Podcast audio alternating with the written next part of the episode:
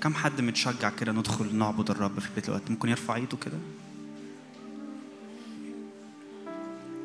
أؤمن إنه في حاجة رب عايز يسكبها في الوقت بتاع النهاردة. ومن إنه في حتة جديدة يسوع عايز ياخدنا ليها. فعلى حسب آه، أنت جعان قد إيه على قد ما أنت عطشان قد إيه على قد ما يسوع بيسكب. وهو لسه في ناس واقفة فممكن أي حد واقف تعالوا نقعد لأن حاسس آه،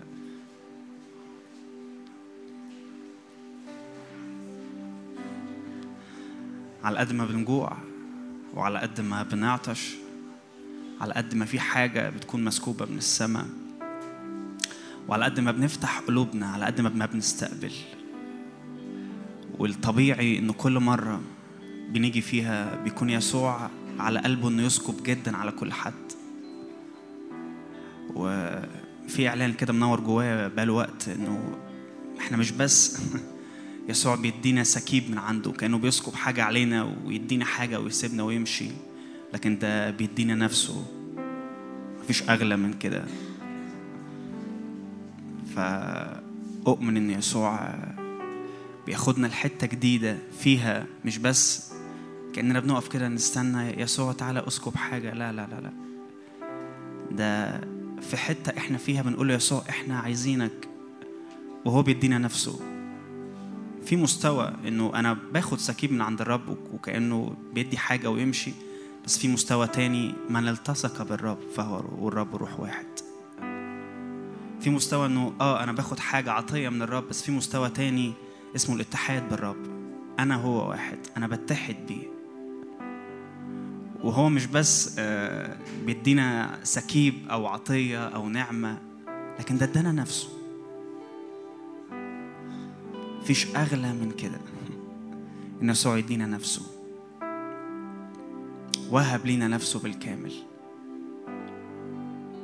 يوحنا لما كان بيقعد في حضنه هو كان مقرر ده إنه أنا أنا أنا بحب المكان ده أنا عايز المكان ده. أعتقد لو أي حد تاني من التلاميذ راح وكان عمل زي كده يسوع ما كانش هيقول له حاجة. ويسوع ما كانش بيحب يوحنا أكتر من باقي التلاميذ. هو نفس نوع الحب الواحد للكل. بس يوحنا كان فاتح قلبه فتح روحه لحتة دافية قوي لحتة عميقة قوي الحته ديب جدا. إحنا قعدنا فتيجي نقف بقى مع بعض. تعال نقف كده مع بعض في بداية وقتنا. أؤمن إنه في حاجة غالية جدا. يسوع دافعها لينا. وهقول حتة أخيرة وبعديها هنبتدي وقت العبادة. مش محتاج تبذل مجهود في ولا حاجة. مش محتاج تبذل مجهود إنه يا رب كأنه هو بعيد وتعالى. لا لا لا. الرب موجود والرب حاضر في وسطينا. وحتى السماء في آية تقول كده الحق الحق أقول لكم من الآن ترون السماوات مفتوحة. إحنا مش بنعمل حاجة كأننا مش بنفتكس حاجة جديدة. إحنا واقفين قدامه لأنه هو فتح السماء لأن هو دفع علينا ده. مجرد بس إحنا بن بنعشق قلوبنا بنعشق نفسياتنا بنعشق كل حاجة في حتة عميقة جدا. غمض عينك كده في بداية الوقت وافتح إيدك قدامك وأنت فاتح إيدك. قول يسوع أنا بجوع وبعطش لهذا المستوى من العلاقة. أنا بجوع وبعطش لمستوى أنا وأنت واحد. بنجوع وبنعطش لمستوى أنا وأنت واحد.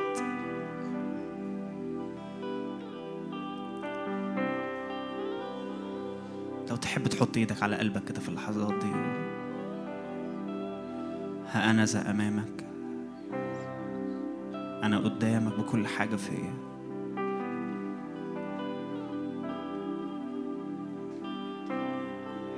أنا قدامك بكل حاجة فيا أغلى ذبيحة ممكن تقدمها للرب هي ذبيحة القلب الحقيقي. هي إنه قلبك يبقى في حتة حقيقية قوي.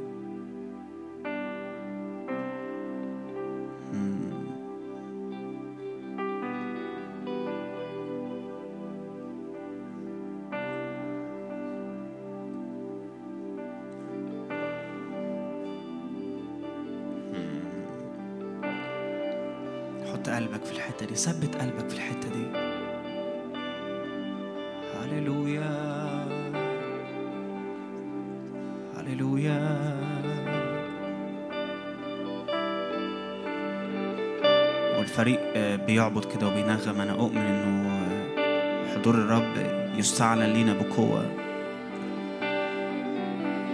إحنا مش بنجيبه من السماء هو حاضر وسطينا. إحنا بس بنتفاعل مع هذا الحضور. بنتفاعل مع مع هذا الحضور. السماء هنا. الحق الحق أقول لكم من الآن ترون السماوات مفتوحة. ملائكة الرب صاعدة ونازلة على ابن الإنسان. يهوى شمع الرب هنا. يهوى شمع الرب هنا. يا رب أؤمن حضورك يستعلن للكل. لما ابتدوا يغنوا ويعبدوا مجد الرب ملا بيت الرب. لم يستطع الكهنة أن يقفوا للخدمة بسبب السحاب. ومجد الرب ملا بيت الرب. يا رب أنا بصلي حضورك يتقل جدا وسطينا. حضورك يتقل جدا وسطينا باسم الرب يسوع. نتفاعل مع هذا الحضور الناري هذا الحضور الناري.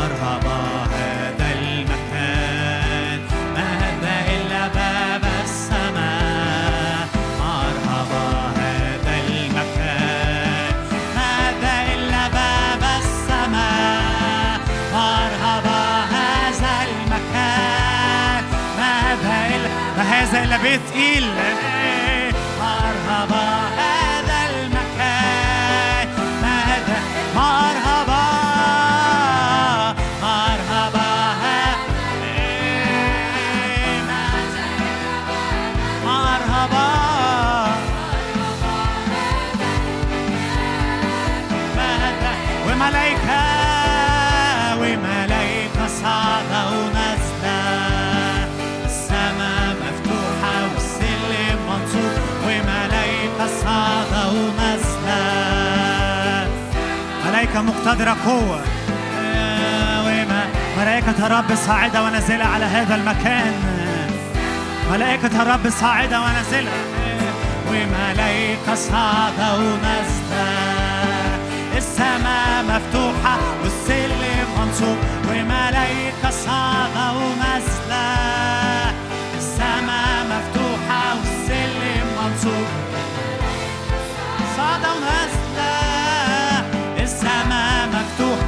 يهوى شمع نعلن يهوى شمع نهتف ربنا نعلن يهوى شمع نهتف الرب نعلن نعلن يهوى شمال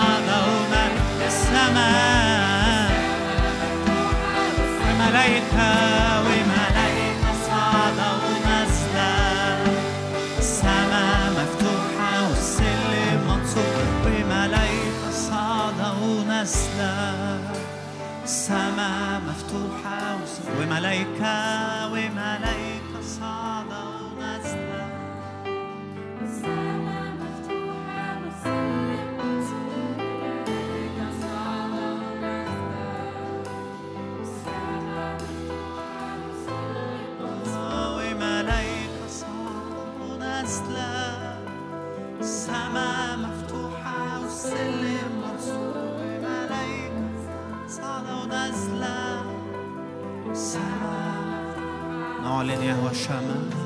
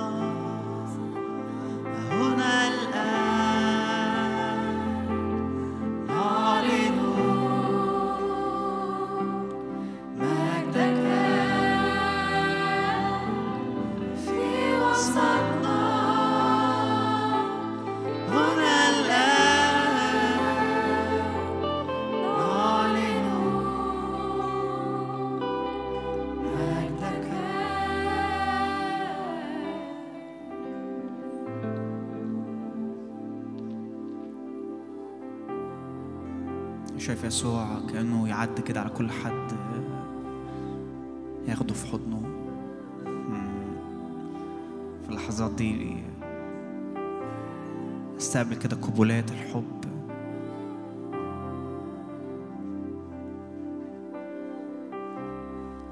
قبولات الحب. يسوع هو اللي بيجي لأنه نحن نحبه.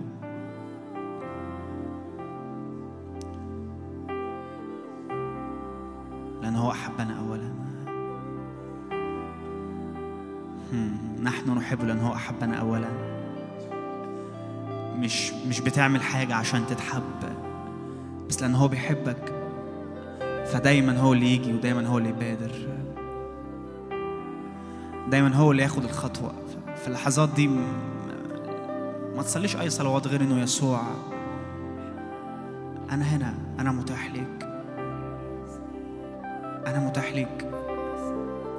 مش أنت اللي بتحاول تعمل حاجة عشان تجيبه لكن لأنه هو إن هو عايز يسكب أنت مجرد بس بتستقبل هذا الحب.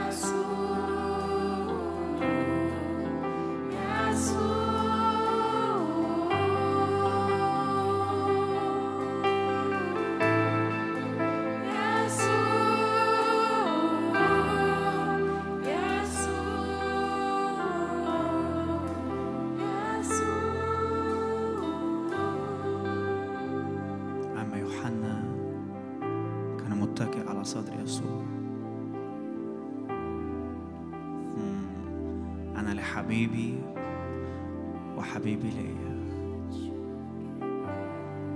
أنا لحبيبي وحبيبي ليا. انظرونا يا بنات أورشليم. قد وجدت حبيبي. أنا لحبيبي وحبيبي ليا. أنا لحبيبي وحبيبي ليا. أنا لعريسي وعريسي ليا. لو تحب تحط إيدك على قلبك كده في اللحظات دي وإحنا بنصلي الصلوات دي. أمسكت حبيبي ولم أرخيه. أمسكت حبيبي ولم أرخيه. أدخلني إلى بيت الخمر وعلمه فوق محبة. آه، يسوع ي- يملى أساساتنا بالحب. يبقى أساسك كده واقف على أساس صلب. قال له عندي عليك لأنك تركت محبتك الأولى. ارجع ارجع ارجع للمحبة الأولى.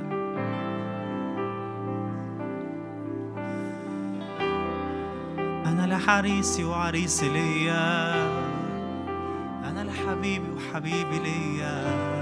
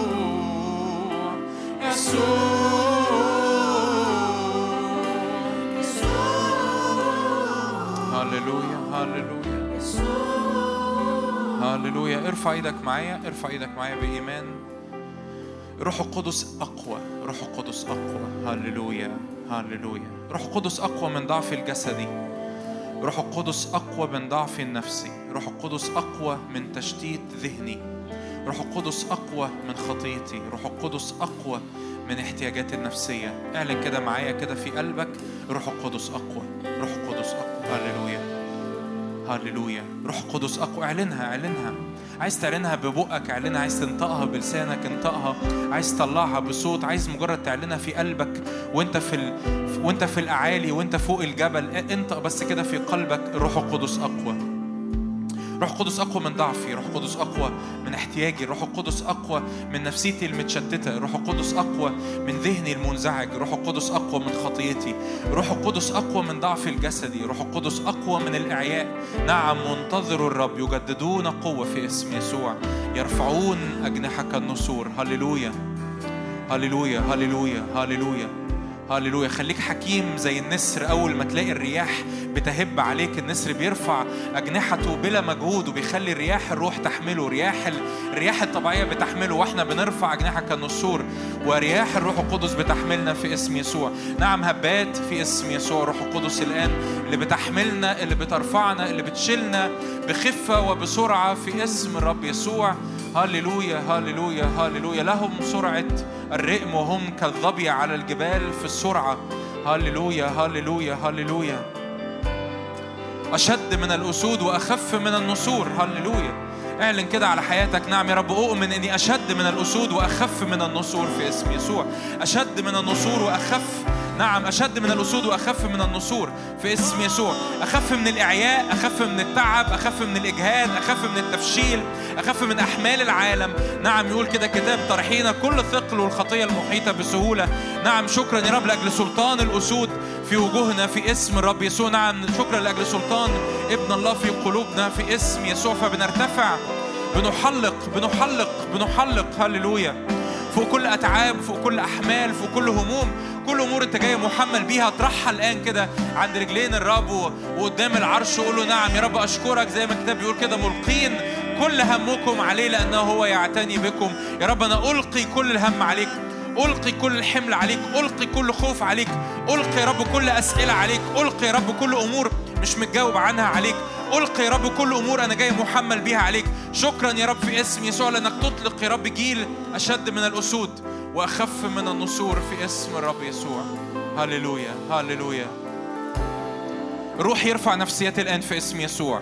الروح ينشط أجساد الآن في اسم يسوع. الروح يسكت انزعاج أذهان الآن في اسم يسوع. الروح يسكت تشتيت على ذهنك الآن في اسم الرب يسوع. الروح يلمس مشاعرك اللي مش متحركة ونفسيتك الضعيفة ومشاعرك اللي مش قادرة تتواصل مع الحضور الإلهي الآن في اسم يسوع. وتلمس الحضور الإلهي الآن في اسم يسوع. في اسم يسوع. صدق معايا. صدق معايا. في اسم يسوع. هللويا. هللويا. ملانا يا روح الله. ملانا ملانا. في اسم يسوع. ملانا. هللويا هللويا.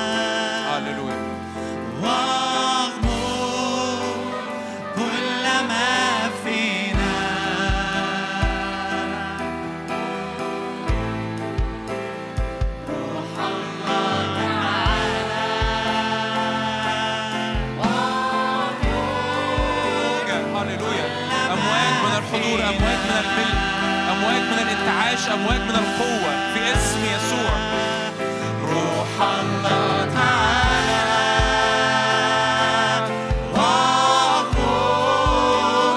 كل استقبل ملء الروح الآن. استقبل ملء الروح الآن في اسم يسوع. هللويا. استقبل ملء الروح الآن.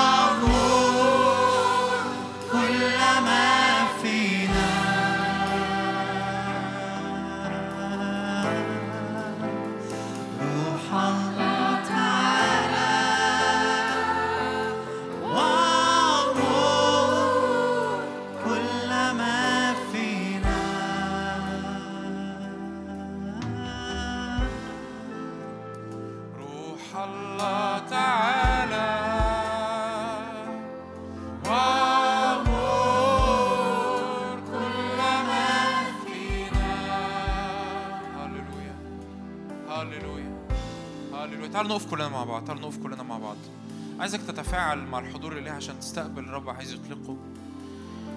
هللويا هللويا هللويا. ارفع إيدك معايا بإيمان ارفع إيدك معايا بإيمان. اعلن كده معايا الروح أقوى. انطقها انطقها. الروح أقوى. الروح أقوى. قداسة الروح أقوى من ضعفي. في اسم يسوع. قداسة الروح أقوى من خطيتي. في اسم يسوع. الكتاب يقول كده لأننا لم نأخذ روح الفشل بل روح القوة والمحبة والنصح. قوة الروح القدس أقوى من فشلي أقوى من يأسي. نشاط الروح القدس على جسدي أقوى من مرضي أقوى من تعبي أقوى من إجهادي. في اسم الرب يسوع روح القدس أقوى روح القدس أقوى. قول يا رب أنا بصدق إنه أنت أقوى إن أنت أعلى إن أنت منتصر إن رياحك ترفعني في اسم يسوع. هنعلن تاني نفس الكلمات دي. نعم نقول له كده روح الله تعالى واغمرنا في اسم يسوع. واغمرنا في اسم يسوع املانا في اسم يسوع. هللويا هللويا. روح الله تعالى.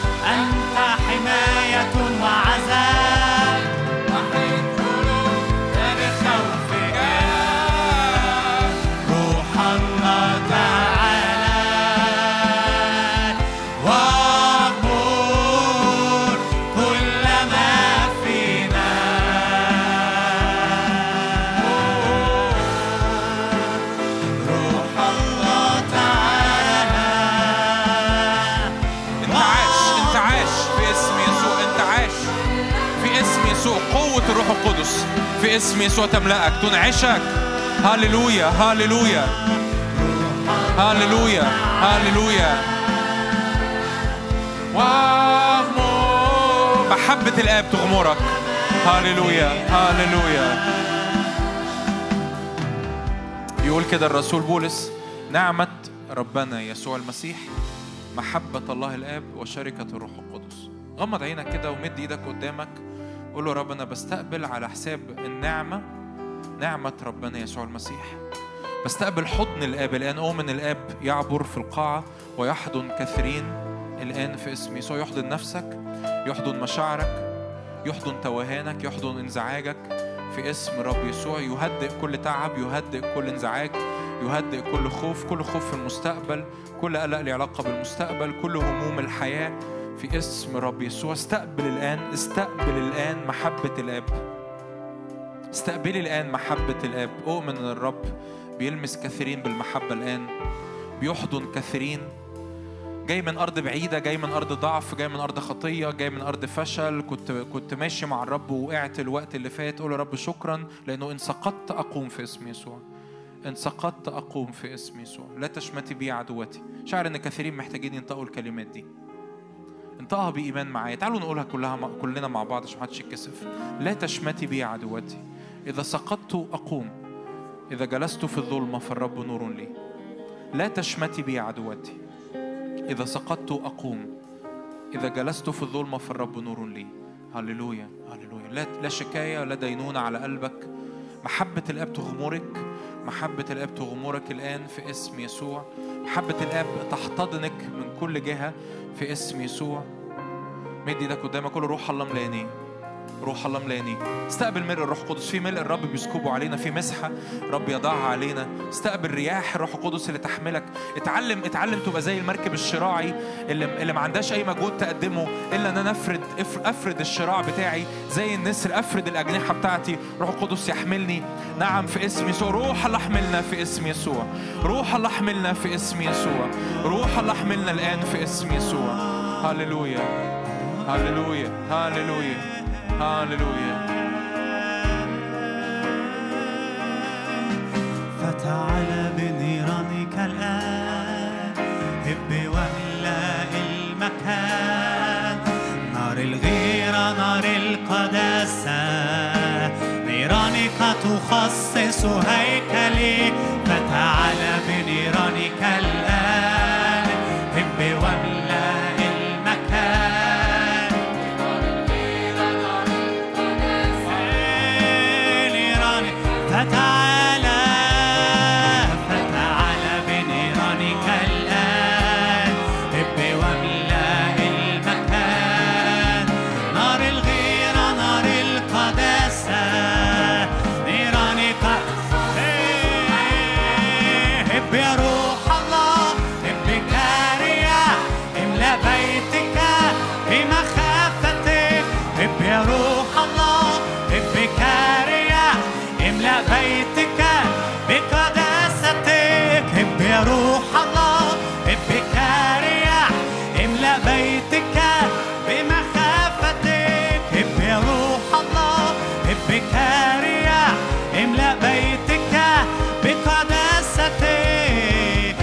إلهنا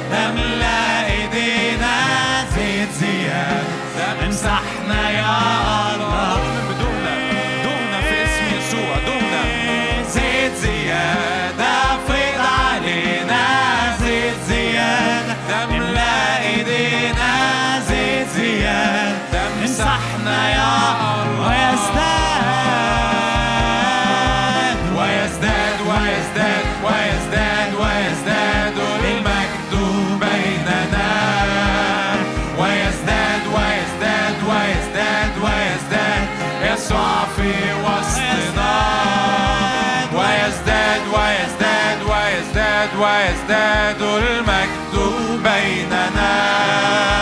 ويزداد ويزداد ويزداد ويزداد يسوع في وسطنا زيت زيادة. زيت زيادة فيض علينا. زيت زيادة املأ إيدينا. زيت زيادة امسحنا يا الله.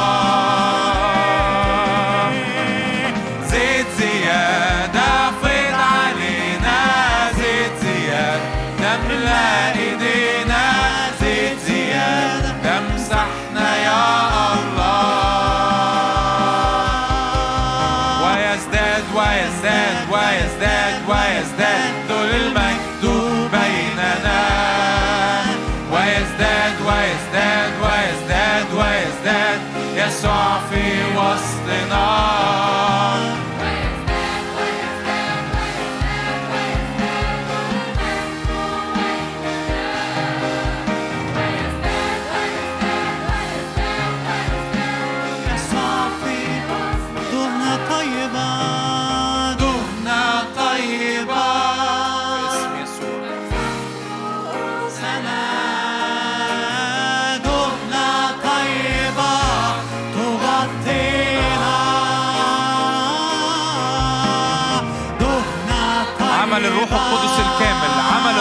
القدس الكامل يغطيك من كل جهة في اسم يسوع. دهنة طيبة تغطينا. دهنة طيبة.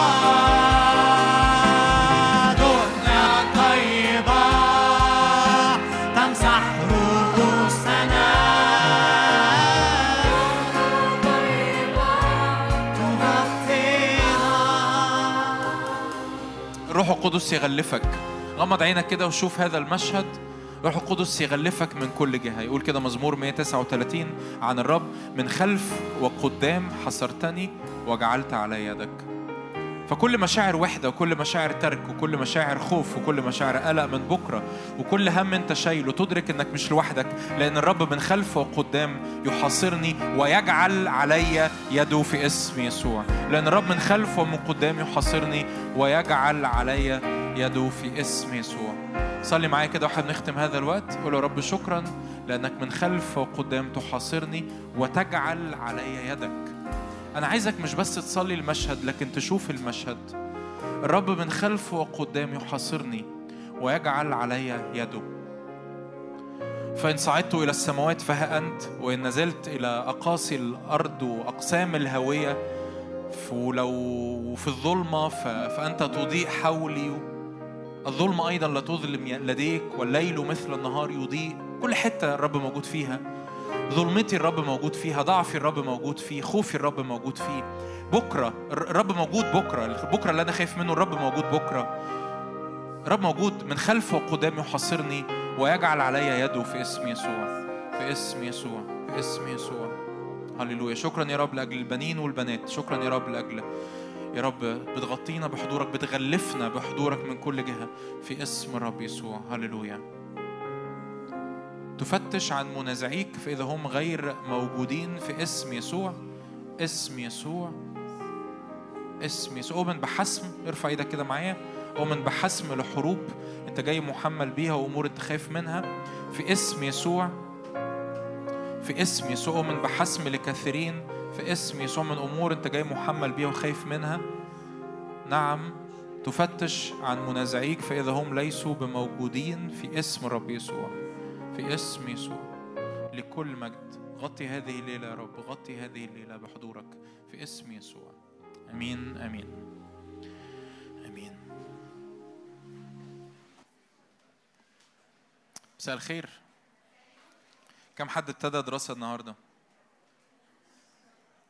كم حد السنة دي أول سنة ليه في في الكلية؟ ارفعوا ايديكم طيب. يعني ممكن ممكن نسقف طب نعضد. نعضد إخواتنا الغلابة اللي أول يوم كان ليهم النهارده في الكلية. خرجوا من حياة ال- الدروس والسستمة و...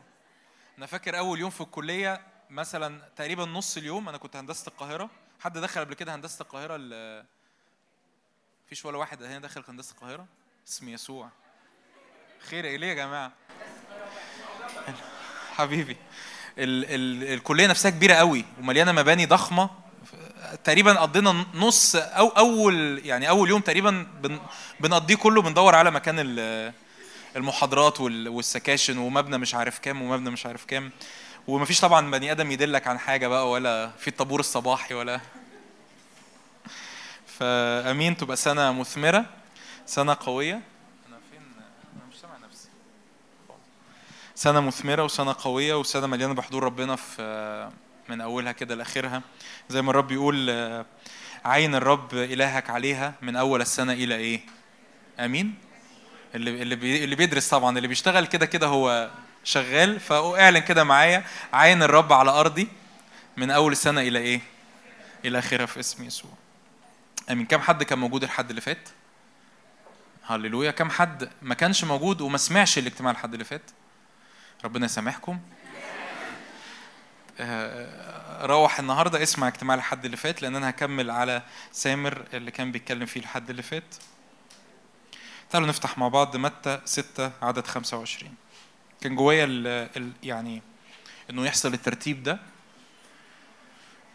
آه، اللي ما كانش موجود واللي ما سمعش الوعظة سامر الحد اللي فات اتكلم عن ال- التعامل مع المال وإزاي المفروض بنبص للفلوس.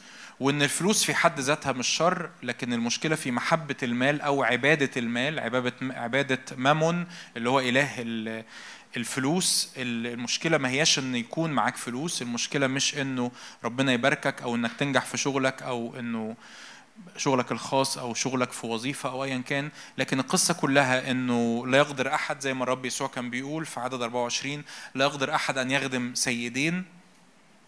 لأنه إما أن يبغض الواحد ويحب الآخر أو يلازم الواحد ويحتقر الآخر. لا تقدرون أن تخدموا الله والمال. وده اللي كنا بنحكي فيه ال- الحد اللي فات. بس تعالوا نشوف إيه اللي الرب عايز يحكي فيه اليوم ال- النهارده. وهنكمل ايات من أول عدد 25 يقول الرب يسوع لذلك أقول بما أن ما تقدرش تعبد الله والمال لذلك أقول لا تهتموا لا تهتموا لحياتكم بما تأكلون وبما تشربون ولا لأجسادكم بما تلبسون.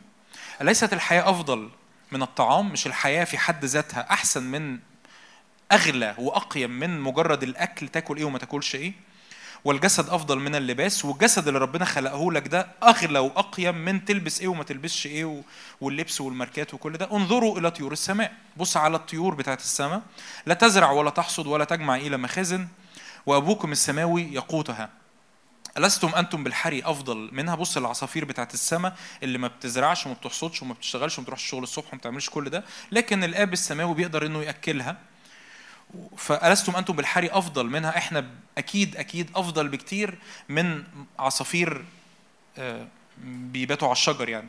من منكم إذا اهتم؟ ولو اهتميت ولو شغلت بالك زيادة عن اللزوم ولو قعدت تفكر وتهتم والوعظة دي امبارح كل. إحنا ماشيين سكة دي خامس مرة بنتكلم عن الموعظة للجبل.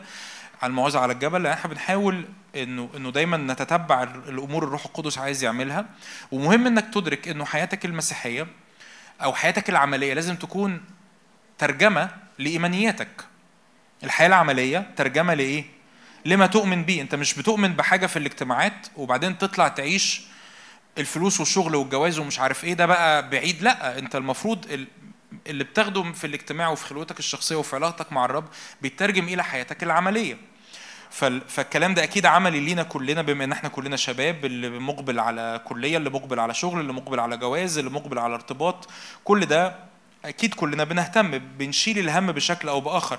قول كده من منكم إذا اهتم مين فيكم لو شال الهم يقدر أن يزيد على قامته ذراعا واحدة ولماذا تهتمون باللباس؟ ليه ليه باصص قوي على هدومك وهتلبس إيه ومش هتلبس إيه؟ تأملوا زنابق الحقل نوع من أنواع الورد اللي كان بي بينمو بسرعة وبيموت بسرعة.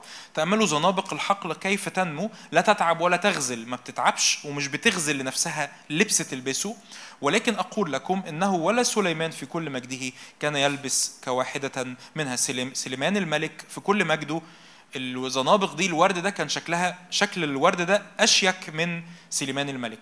فإن كان عشب الحقل الذي يوجد اليوم ويطرح غدا في التنور العشب الأخضر اللي بيطلع في يوم وتاني يوم بينشف بييبس وبيستخدموه عشان يولعوا بيه الفرن.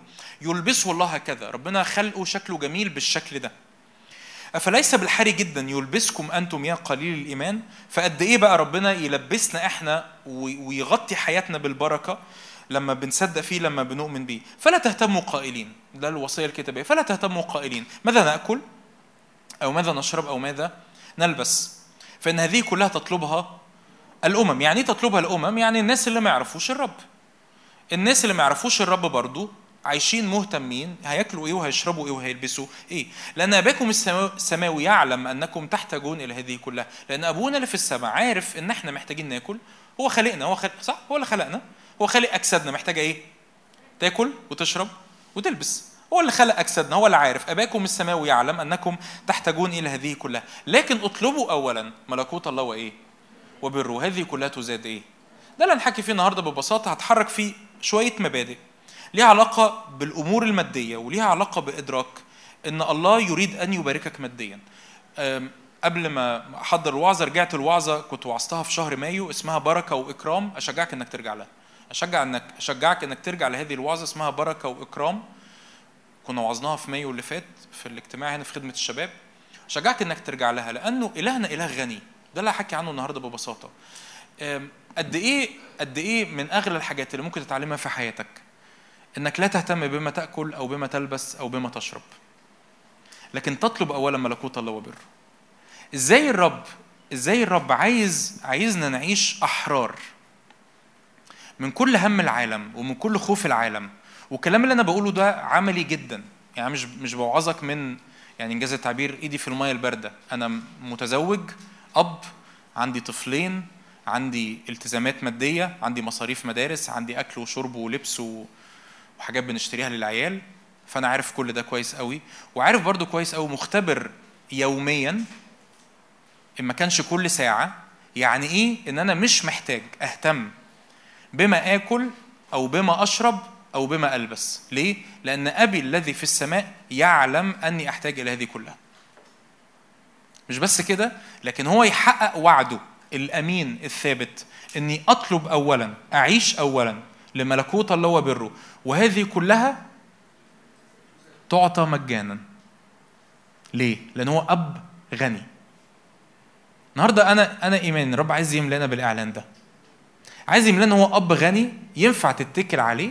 ما تخافش على بكرة ما تخافش على مستقبلك ما تخافش على فلوسك ما تخافش على جوازك ما تخافش على ارتباطك ما تخافش على شغلك ما تخافش إنه ليه؟ لأن أنا مواطن سماوي أنا مش عايش بحسب المقاييس الأرضية اللي بيحدد اللي بيحدد آه، حياتي وعطائي ومستواي المعيشي و...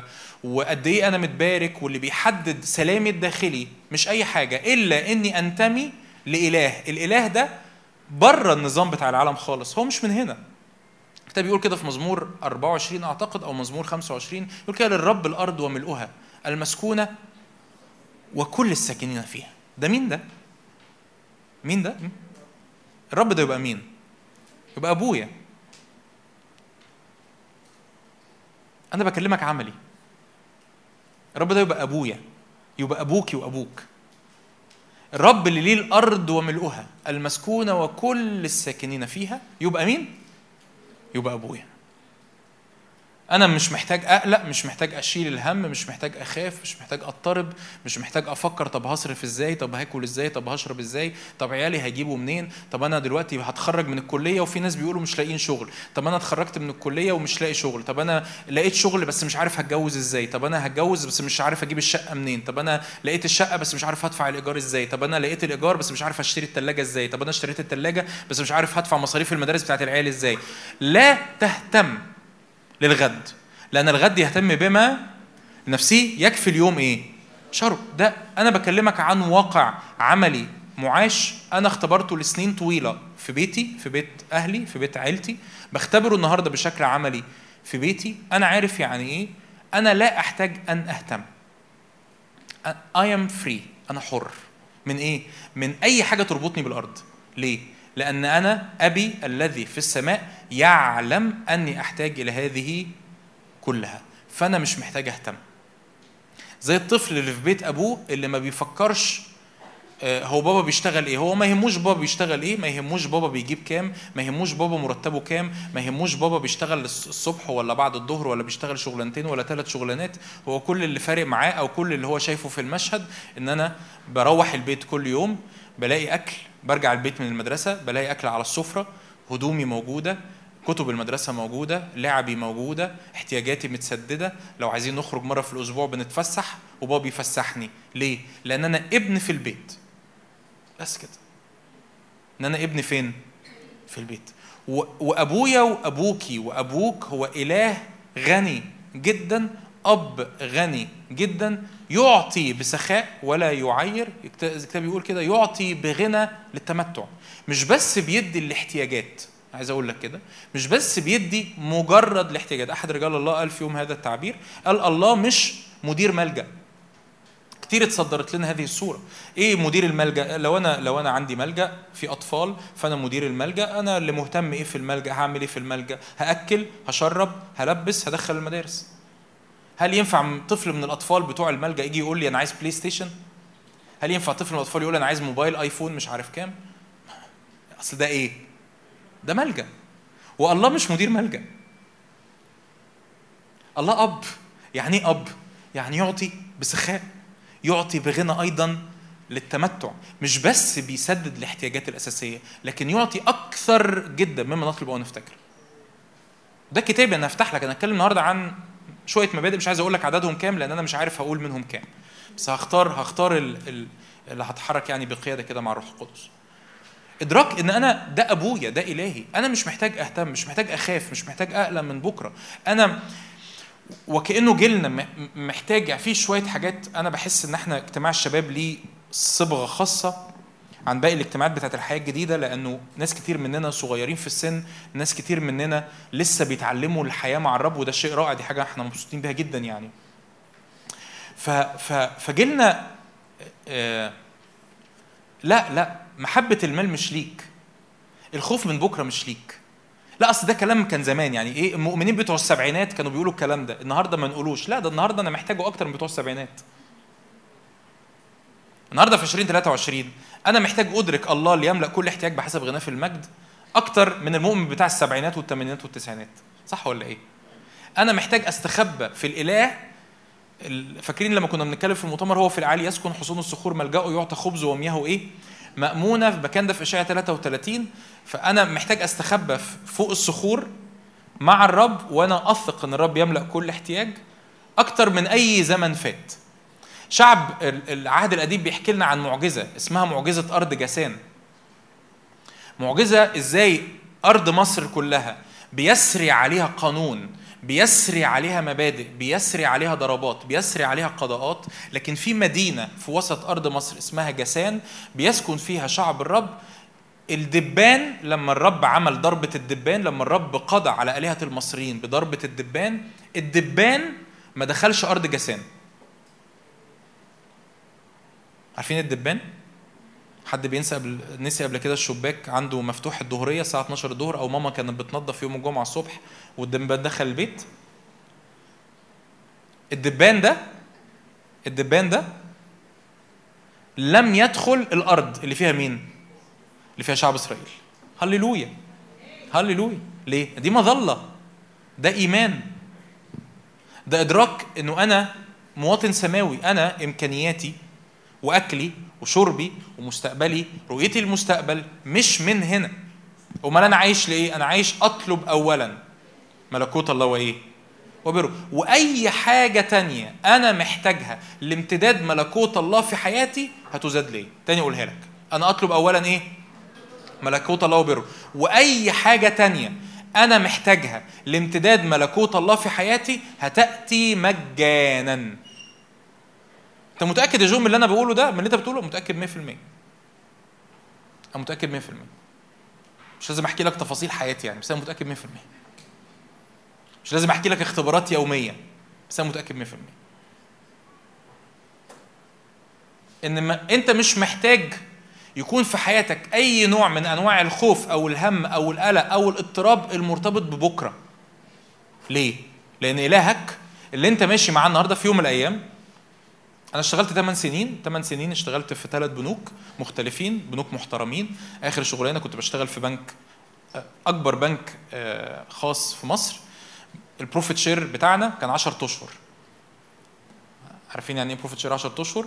يعني أنت بتقبض مرة في الشهر وبتيجي في آخر السنة تقبض إيه؟ 10 أشهر. على بعض كده. رب يبارك حياتك كده ويفتح لك باب يا رب زي ده. في يوم من الأيام كنت كنت متضايق من مرتبي ومتضايق من الفلوس ومتضايق من قيمة الفلوس اللي معايا في إيدي. واتفرغت للخدمة يعني من 2018 متفرغ للخدمة.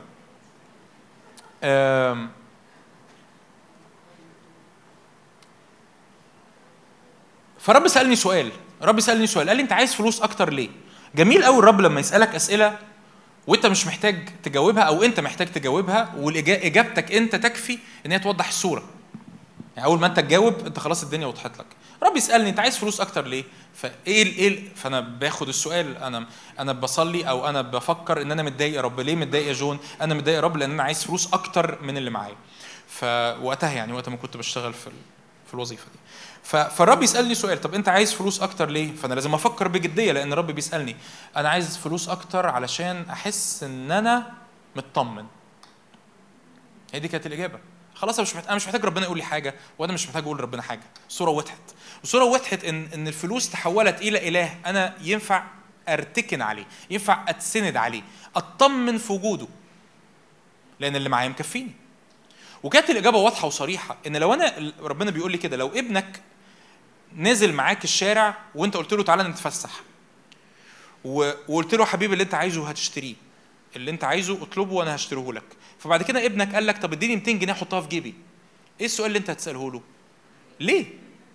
ما أنا معاك. انت ليه محتاج ال 200 جنيه تحطها في جيبك؟ ما أنا معاك.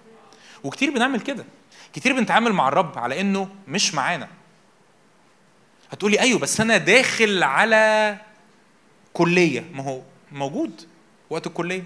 طب بعد الكلية أنا داخل على جواز. ما هو ما هيكون موجود برضه. طب بعد الجواز أنا هخش على عيال. طب هو هو هيروح في حتة؟ ما هو موجود في العيال. أصل العيال دول في يوم من الأيام هيكبروا ويحتاجوا يتجوزوا فأنا محتاج هو هو مش هو موجود. أنت ليه محتاج تضمن إن الفلوس تبقى في جيبك؟ ما هي في جيب أبوك. هللويا. أصل الرب الأرض وايه وملؤها المسكونة وكل الساكنين إيه؟ فيها. ما دام الفلوس في جيب ابويا أنا مش قلقان. طب هو في جيبه كام؟ في جيبه لا يحصى. طب وهيديك منهم كام؟ ما يهمنيش بس أنا متأكد إن اللي أنا محتاجه فين؟ في جيبه. فأنا مش فارقة معاه. هللويا. فأنا فأنا مش قلقان لأن اللي أنا محتاجه فين؟ معاه مش لازم يبقى معايا. أنتوا فاهمين اللي بقوله ده؟ اللي أنا محتاجه فين؟ معاه مش لازم يبقى معايا. أنا ليه عايزه يبقى معايا؟ عشان أحس بالأمان مش عشان أحس بالأمان عشان أطمن. طب وكده يبقى كده أماني بقى فين؟ بس واضحة صريحة. أول ما تلاقي إن الأمور واضحة صريحة كده قدام عينك أول ما تكتشف حاجة زي كده تجري بيها قدام الرب وتقول يا رب من الواضح إن أنا اكتشفت إنه أماني في الفلوس. محتاج أتواضع قدامك وأتوب لأن أماني بقى في الفلوس. أماني بي- بيعلى لما الفلوس بتعلى وأماني بيقل لما الفلوس بتقل. ولو لسه يعني ما بتشتغلش ف هتعدي يعني هت... هتعدي بالفلترة دي مش دي حاجة كويسة. هتتعلم هتتعلم السكة دي مع الرب. هتعلم إزاي لما تقبض فلوس ان امانك ما يكونش في الفلوس. شوية مبادئ يعني أول مبدأ أنا already حكيت فيه. أول مبدأ أنا ملك للرب أحيا لأجل ملكوت الله. إيه أول مبدأ لأجل الحياة في بركة مادية؟ وأنا هحكي بالتفصيل يعني شوية. إيه أول مبدأ لإدراك إن أنا إن الرب داعيني إن أحيا فيه تحت غطاء من البركة المادية؟ إن أنا أنا مش عايش لنفسي. يقول كده الرسول بولس في روميا آه، روميا 14 7 ليس أحد منا يعيش لذاته ولا أحد يموت لذاته. إن عشنا فللرب نعيش وإن متنا فللرب نموت. إن عشنا وإن متنا فللرب نح- نحن. لأن له- لهذا مات المسيح وقام وعاش لكي يسود على الأحياء والأموات.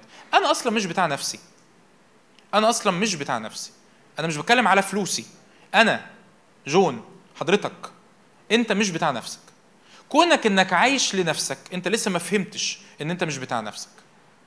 كونك إنك لسه ع... لسه عايشة بأحلامك وطموحاتك وأفكارك فأنت مش فاهمة إن أنت أصلا مش بتاعت نفسك. لأنكم قد أشتريتم بإيه؟ بثمن. إحنا مش إحنا مش نفسينا. هتم اشتراءنا. إحنا عبيد. إحنا ش... إحنا عبيد عنده. إحنا ملك ليه؟ إحنا ملكية للرب. إحنا ملكية للرب يسوع. أنا مش بتاع نفسي. طب أمال أنا عايش عشان إيه؟ أنا عايش لأجل امتداد ملكوت الله. إدراك إن أنا عايش لأجل امتداد ملكوت الله افتح معايا الآية دي. كورنثوس الثانية 9 8 آية رهيبة. كورنثوس الثانية 9 8 يقول إيه الرسول بولس؟ بيتكلم على فكرة في الآيات دي عن العطاء المادي. هتكلم شوية عن العطاء.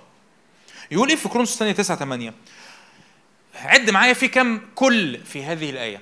والله قادر أن يزيدكم؟ عد معايا. ها؟ كل نعمة. لكي تكونوا ولكم كل اكتفاء.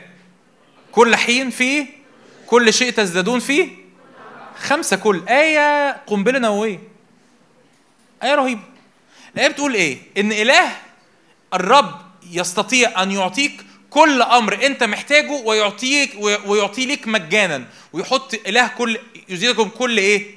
نعمة عشان يكون حضرتك في حالة الاكتفاء عندك كام في المية من الاكتفاء؟ لا كل اكتفاء الأول قد إيه من الوقت؟ طب في إيه أنهي نوعية حاجات؟ كل شيء عشان إيه اللي يخرج منك؟ تزداد في إيه؟ كل عمل صالح. إدراك إن أنا عايش لأجل ملكوت الله. ده يخليني أدرك إن زي ما الرب دعا إبراهيم من غير ما أفتح لك الآيات الرب دعا إبراهيم قال له كده أخرج من من من أرضك ومن عشيرتك إلى الأرض التي أريك فأباركك وتكون بركة.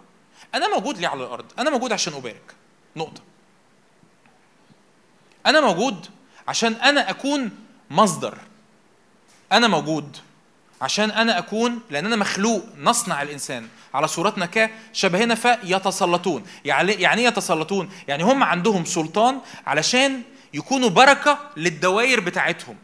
طب أنا ليه؟ فأنا أسأل السؤال بقى ده ده يخليني أسأل سؤال مهم. طب هو أنا ليه يا جون النهارده أنت بتكلمني أو ليه الرب يسوع يقول إن أنا عايز يا, يا, يا أولادي ما تخافوش؟ أنا عايز أبارككم. ليه؟ لأن الرب أوجدني عشان أنا أكون إيه؟ مصدر. سورس أنا مصدر بركة. لمين؟ لكل دوائر التأثير بتاعتي. مصدر بركة في إيه؟ في كل حاجة.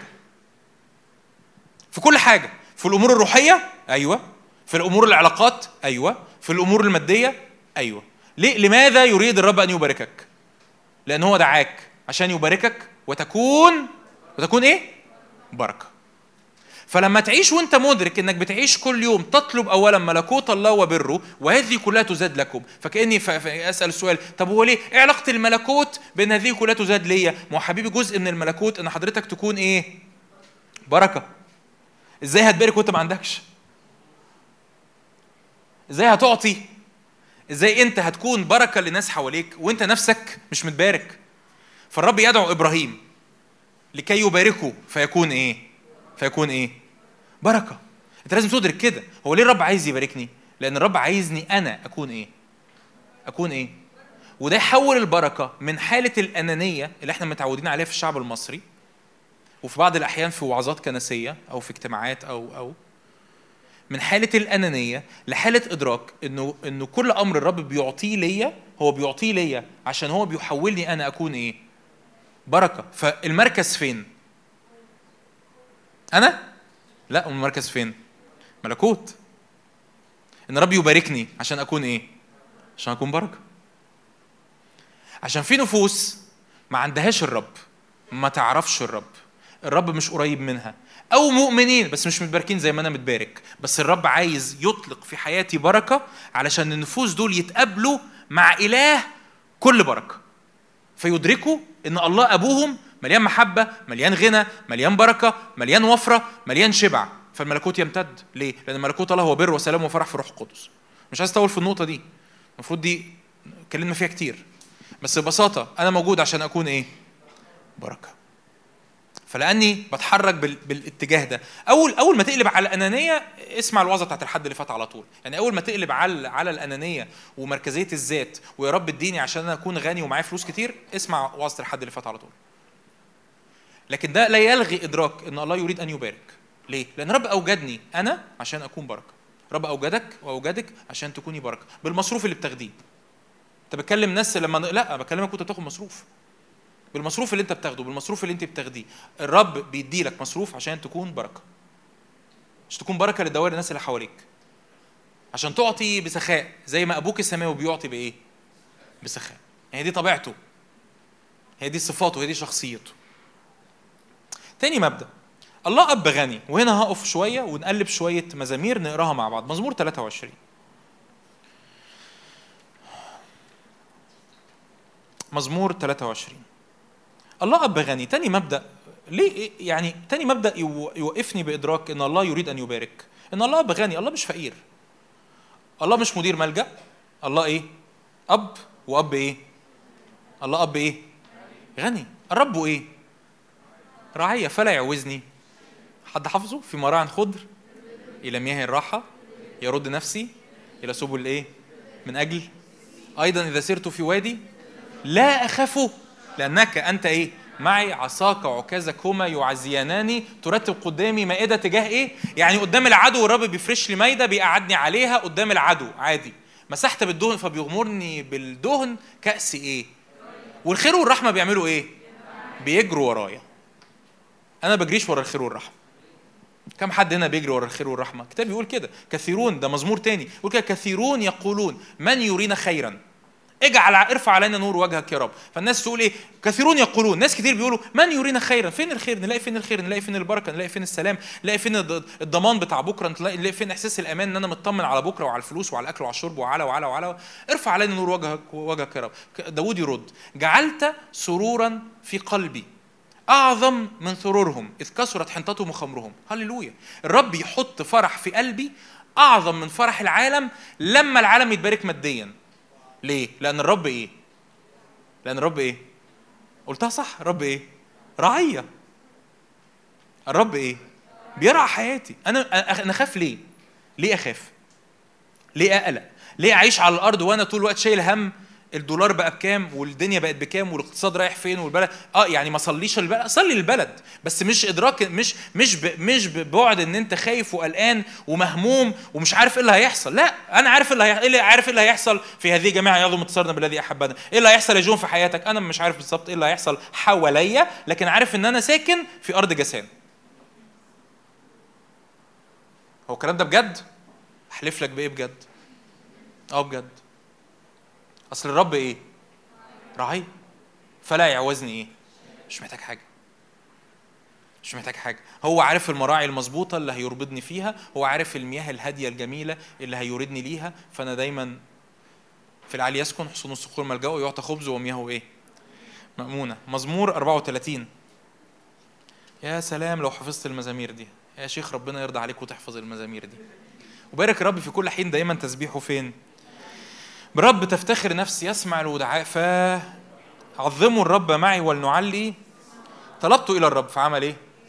ومن كل مخاوفي يا سلام هللويا. نظروا إليه واستناروا وجوههم لم إيه؟ هذا المسكين صرخ والرب استمعه من كل ضيقاته. ملاك الرب حال يعني ربنا بيبعت ملائكة وتحوط حواليك تعمل معسكر حواليك وتنجيك. تنجيك من إيه؟ من أي حاجة. أصل الساكن في ستر العالي في ظل القدير يبيت دي وعظة تانية يعني. ملاك الرب حال حول خائفيه وينجيهم آه. يعني ممكن ملائكة الرب تحميني من حادثة عربية؟ 100% ممكن ملائكة الرب تحميني من فيروس كورونا؟ 200% ممكن ملائكة الرب تحميني من شخص عايز يأذيني فيقودني إني بدل ما أمشي في شارع معين أمشي في شارع تاني فما اتعرضش لحاجة كانت مؤذية؟ 300% ملاك الرب حال حول خائفيه وينجيهم دي كلمة الرب. افتح عينينا يا رب عشان نصدق كلمتك. والحاجات اللي افتكرناها الوعظات القديمة بتاعت الناس العواجيز ندرك إن ده الحق الكتاب اللي إحنا محتاجين نعيشه. ملاك الرب حال حول خائفيه وينجيهم ذوقوا وانظروا ما أطيب الرب. طوبى للرجل الايه اتقوا الرب يا قديسي لأنه ما في متقي ما بيعوزهمش حاجة. الاشبال يعني ال الحيوانات اللي في الغابة بتجوع. أما اللي بيطلبوا الرب فلا ده أنت ده أنت. الاشبال احتاجت وإيه؟ أما طالبوا الرب فلا يعوزهم شيء من الإيه؟ هللويا. مزمور 37 عدد 16 مزمور 37 عدد 16 يا سلام القليل الذي خير من ثروة أشرار القليل اللي في إيد ابن الرب اللي يعرف الرب أحسن من ثروة أشرار ناس كتيرة ليه؟ أصل سواعد الأشرار إيه؟ تنكسر أصل دراعات الشرير ممكن تتكسر الحاجة اللي هو متكل عليها ممكن تقع ما يعرفش يتسند عليها لأن سواعد الأشرار إيه؟ أما عضد الصديق هو مين؟ يا سلام. الرب عارف أيام الإيه؟ الكمل وميراثهم إلى الأبد يكون لا يغزون في زمن السوء. تقول لي إحنا في زمن سوء. ماشي يا عم. الآية بتقول إيه؟ لا يغزون في زمن الإيه؟ وفي أيام الجوع يحصل لهم إيه؟ يشبعون.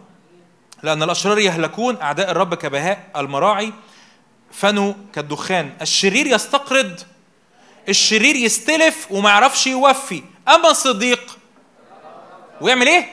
ويعطي قول هللويا الشرير بيستلف وما يعرفش إيه؟ يوفي اللي استلفه لكن اللي بيطلب الرب يعمل إيه؟ يترأف ويعمل إيه؟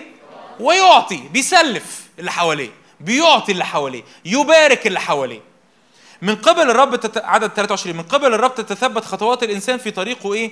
يصر إذا سقط لا لو وقع ما بيفرش في الوقعة بيقوم لأن الرب مسند يده أيضا كنت يا سلام إيه إيه الايه إيه الايه الرائعة دي؟ أنت إزاي مش حافظ الآية دي؟ بص كده اللي جنبك قول له أنت إزاي مش حافظ الآية دي؟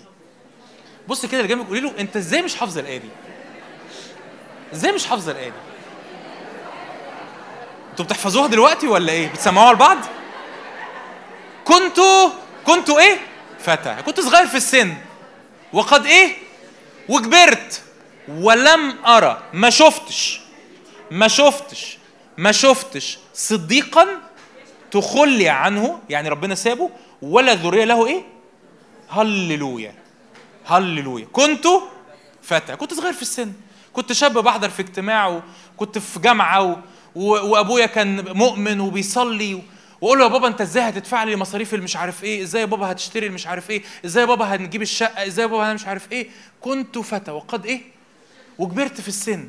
وما شفتش لأن أبويا ده كان راجل تقي ومؤمن وراكع على ركبه وأمي دي كانت ست تقية بتركع على ركبها بتصلي بتطلب الرب. أنا لما كبرت اتعلمت إنه إيه ده؟ هو ينفع يبقى اللي عندنا في البيت قليل لكن خير من ثروة أشرار كثيرين. آه أصل سواعد الأشرار تنكسر اللي بيتكلوا عليه بيتكسر لكن اللي بي بيسند المؤمنين هو الرب نفسه اللي ما بيتكسرش اللي ما بيتغيرش اللي ثابت الذي لا يتزعزع. الكتاب بيقول كده المتوكل على الرب مثل جبل صهيون الذي لا يتزعزع. فكنت فتى أنا كنت صغير في السن. وكبرت وعمري ما شفت حد من المؤمنين. بس إيه؟ لم أرى إيه؟ صديق. صديق يعني مؤمن عايش حياة القداسة وعايش حياة البر وعايش حياة التبعية. لم أرى صديق تخلي عنه. ربنا تخلى عنه في يوم من الأيام. طب وولاده؟ ولاده ولا إيه؟ ذرية له إيه؟ هللويا. هللويا. تعرف إن وعد الرب في العهد القديم إنه صانع. الإحسان إلى ألف جيل. عارفين يعني إيه ألف جيل؟ يعني أنا ولادي هيتباركوا بسببي وأحفادي هيتباركوا بسببي وأحفاد أحفادي لو لقى الرب الرب يعني تأنى في مجيئه هيتباركوا بسببي. ليه؟ عشان في واحد في واحد كان بيتبع الرب وكان صديق. أصل إلهك مش مش موجود اليومين دول وخلاص. أصل إلهك مش عايش بقوانين العالم ومبادئ العالم وبسيستم العالم وخوف لا لا لا لا لا ده للرب الأرض وايه وملؤها المسكونة وكل الساكنين فيها. المبدأ الثالث إلهك ده الغني يعطي بسخاء. وعايزه هعدي عليها بسرعة كده من غير ما أفتح آيات. هو مش بس يعطي بسخاء مش بس يملأ الاحتياج لكن يعطي بغنى للتمتع. مش بس يملأ الاحتياج لكن يعطي بغنى لإيه؟ ما هو الاحتياج؟ يعني لو أنا جيت عملت انترفيو مع أي واحد من حضراتكم قلت قلت لك أنت محتاج إيه عشان تعيش؟ تاكل تشرب تتنفس تلبس تسكن. طب أخبار الموبايل اللي في جيبك؟ مش احتياج. معلش أنت ممكن تكون اتفاجئت بس هو مش احتياج. يعني من غير الموبايل مش هتموت.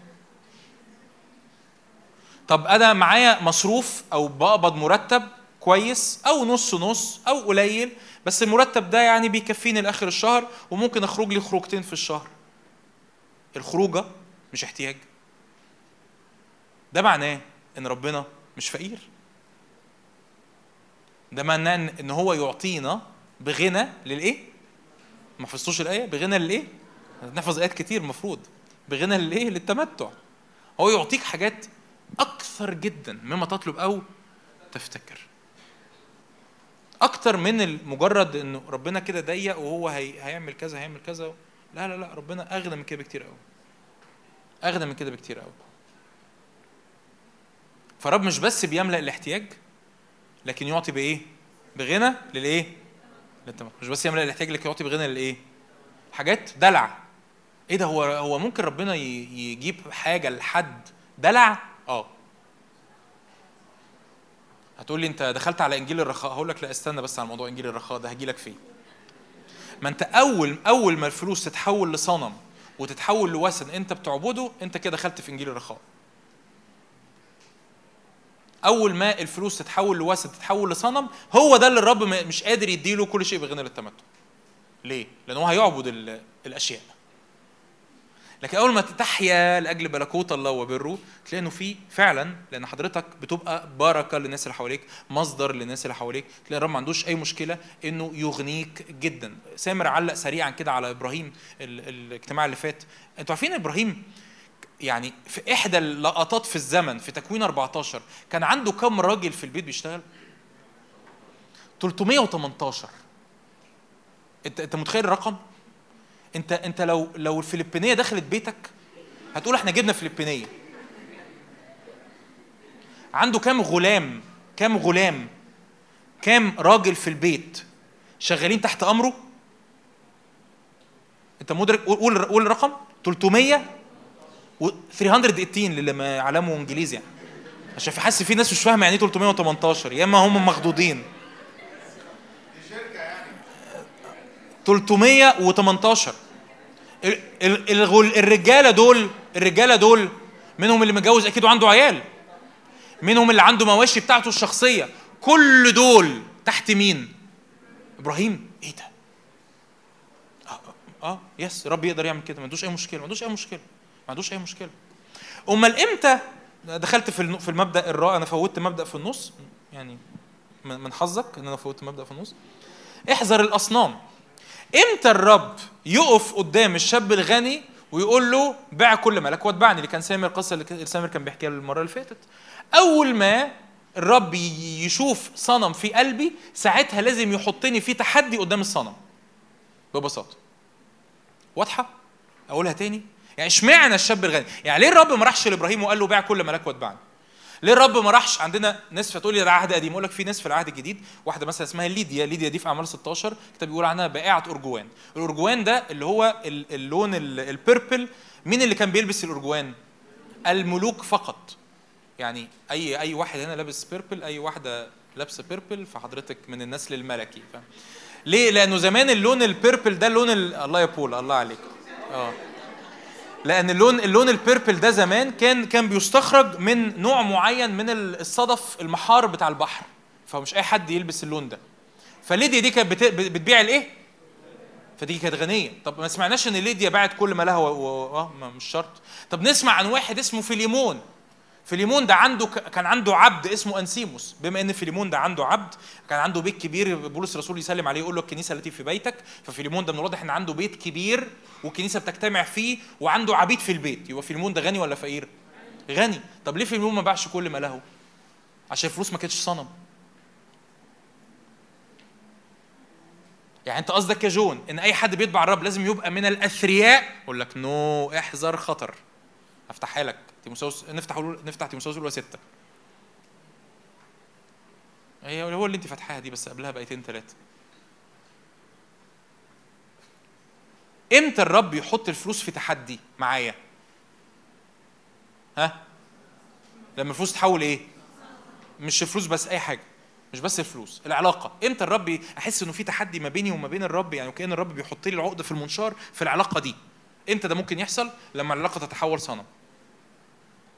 العربية الموبايل ايا كان ارتباط معين خدمة أي حاجة أي حاجة أي حاجة. خدها كده مني مبدأ أي حاجة هتتحول في حياتك إلى صنم ربنا يحط لك فيها العقده في المنشار. ويقول لك يا أنا يا الحاجة دي حتى لو كانت الخدمة. حتى لو كانت الخدمة. هيحط لك العقده في المنشار ويقول لك يا أنا يا البتاعة دي. يا أنا يا العلاقة يا أنا يا الفلوس يا أنا يا الموبايل يا أنا يا الشغلانة يا أنا يا البنت دي يا أنا يا الولد ده. تقول لي ليه ربنا بيعمل كده؟ كده لأن هو هو هو عايزنا نكون أحرار مخلوقين على صورته بنعبده بنتغير إلى تلك الصورة عينها لو عبدت مامون هبقى شبه مامون. فاكرين سامر كان بيقول كان إله قبيح جدا؟ لو أنا عبدت مامون هبقى قبيح جدا زي مامون. لو أنا عبدت بابل عبدت نظام العالم هبقى قبيح جدا زي نظام العالم اللي مليان شر وظلم وفساد وخطية ونجاسة و... و... وكل ده. بدون دخول في التفاصيل دي كلها. فيقول إيه الرسول بولس من أول عدد ستة؟ لا نفتح أول عدد ستة. دخلت أنت على طول محبة المال أصل كل الشرور. خدهم واحدة خدهم واحدة واحدة كده مش يقول إيه الرسول بولس؟ أما التقوى مع القناعة فهي إيه؟ تجارة عظيمة. التقوى مع الإيه؟ قناعة. القناعة ده شيء رائع. يا يا يا يا أنا هقول لك كده ويعني هقولها كده وربنا يكرم مراتي يا رب ربنا يخليها لي.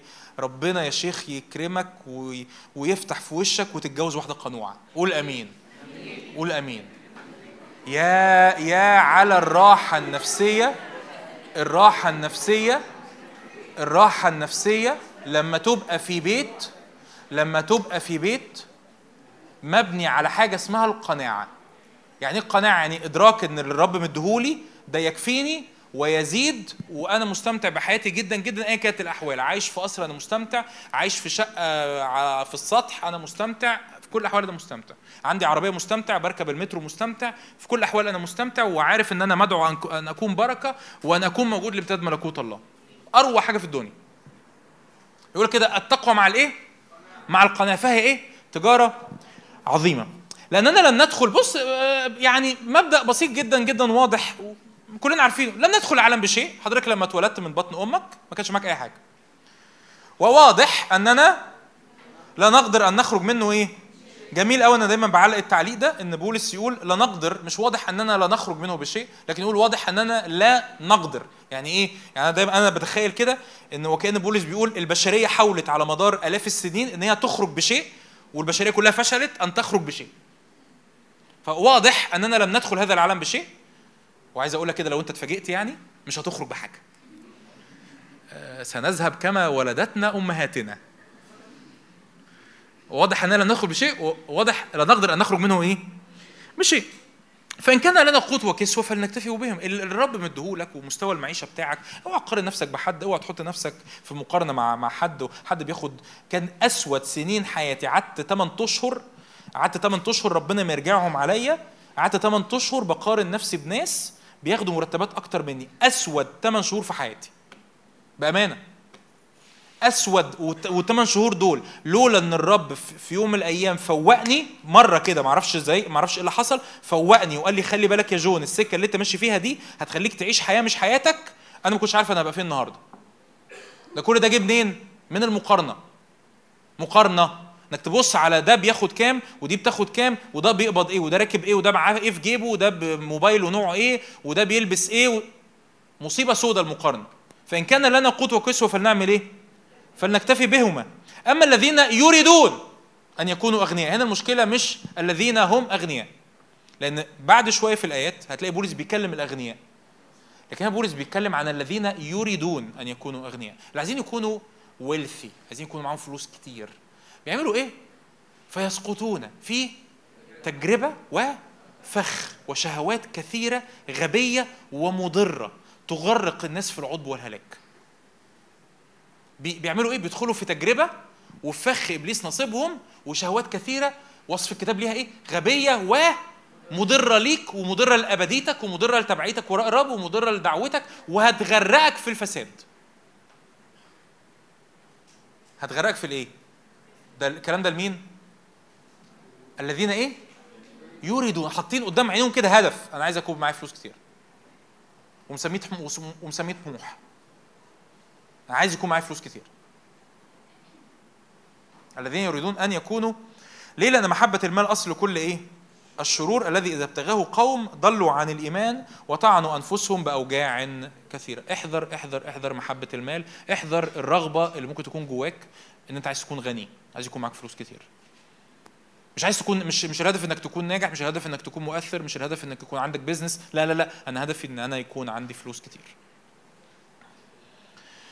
طيب العطاء. أنا كده اتكلمت في كم مبدأ؟ أربعة خمسة. المبدأ الخامس أنا بفوت حاجات في النص. فإيه أول مبدأ حد فاكر؟ أنا مش ملك لنفسي أنا أنا عايش عشان الملكوت. تاني مبدأ الله أب إيه؟ غني. تالت مبدأ هو يعطي الاحتياج ويعطي برضو بغنى للإيه؟ للتمتع. أربعة احذر الإيه؟ الأصنام. ولو عايز عايز يعني تزود كلمتين زيادة في الحتة دي اسمع وعظة الحد اللي فات مش هعيد اللي سامر قاله. خمسة من من مبادئ البركة العطاء بوفرة. العطاء بإيه؟ بوفر أمثال 11 24 أمثال 11 24 يوجد من يفرق فيزداد ومن يمسك أكثر من اللائق وإنما إلى الفقر. يوجد من يفرق في واحد معاه خمسة. خمسة جنيه خمسة أيا كان. خم... خمس تلاف خمسمية هم خمسة. بيفرقهم لما يفرقهم بيحصل فيهم إيه؟ بيزدادوا. وفي واحد يمسكهم ما يفرقهمش فالنتيجة تكون إلى الإيه؟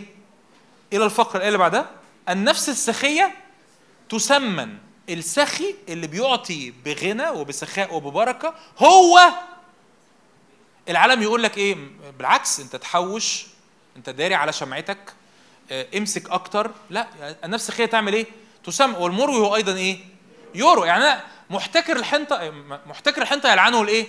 الشعب يعني اللي عنده حاجة وبيحتكرها بيقول دي بتاعتي أنا الشعب بيلعنه. والبركة على رأس البائع لكن اللي بيوزع من اللي عنده الناس بتعمل إيه؟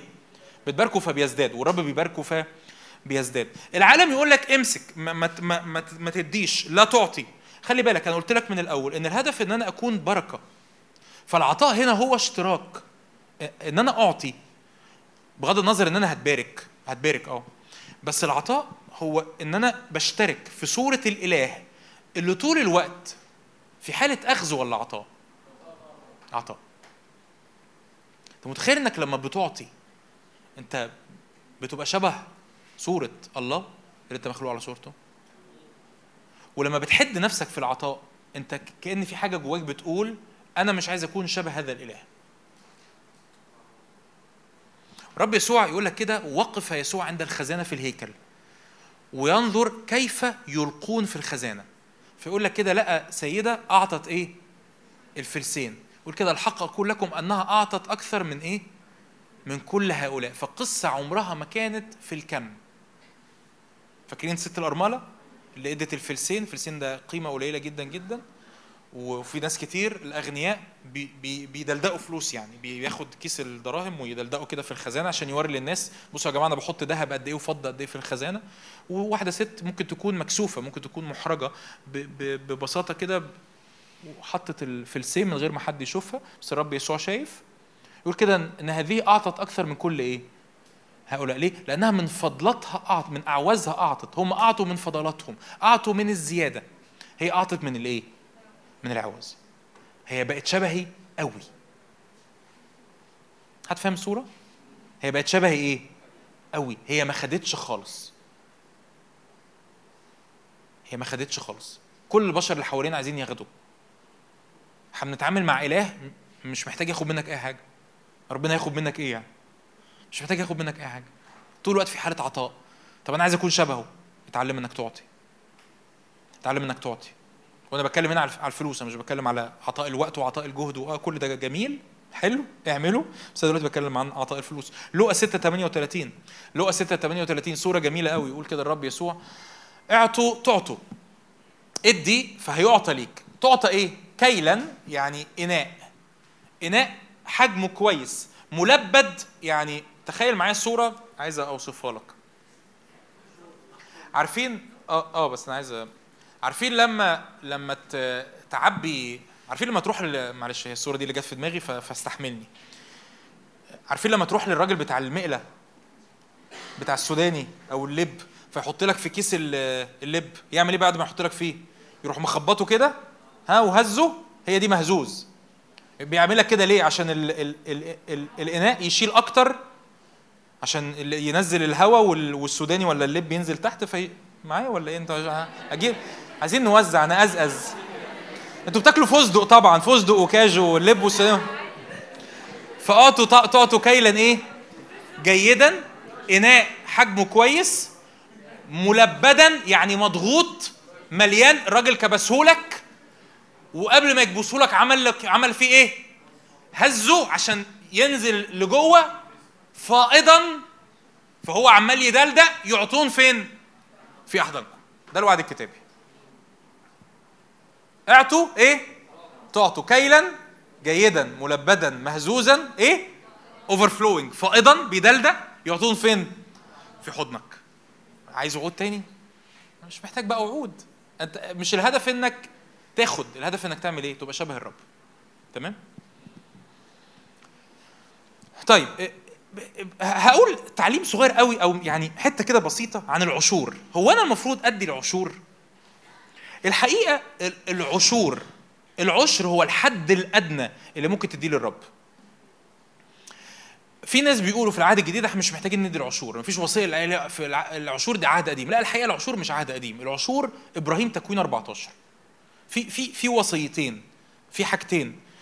أتمنى إنه الكلام ده يكون بيجاوب على أسئلة البعض أو بيشرح حاجات معينة. في وصيتين في العهد القديم ما لهمش علاقة بالناموس السبت والعشور.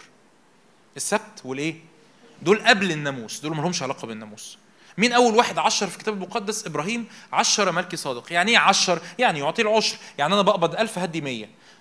باخد مصروف 500 هدي 50 تقول لي هو أنا المفروض وأنا باخد مصروف النهارده أعطي العشر؟ آه.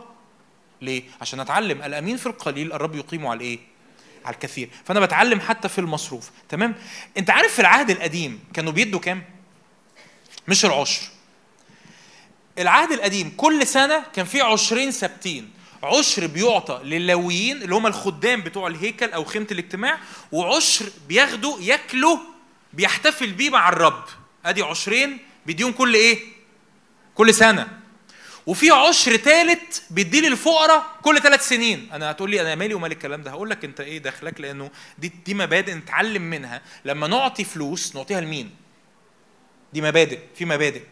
آه أنت هتصلي. آه هتصلي. بس في مبادئ. يعني أنا في مبادئ هعملها وبعدين أصلي الزيادة أشوف هعمل فيه إيه.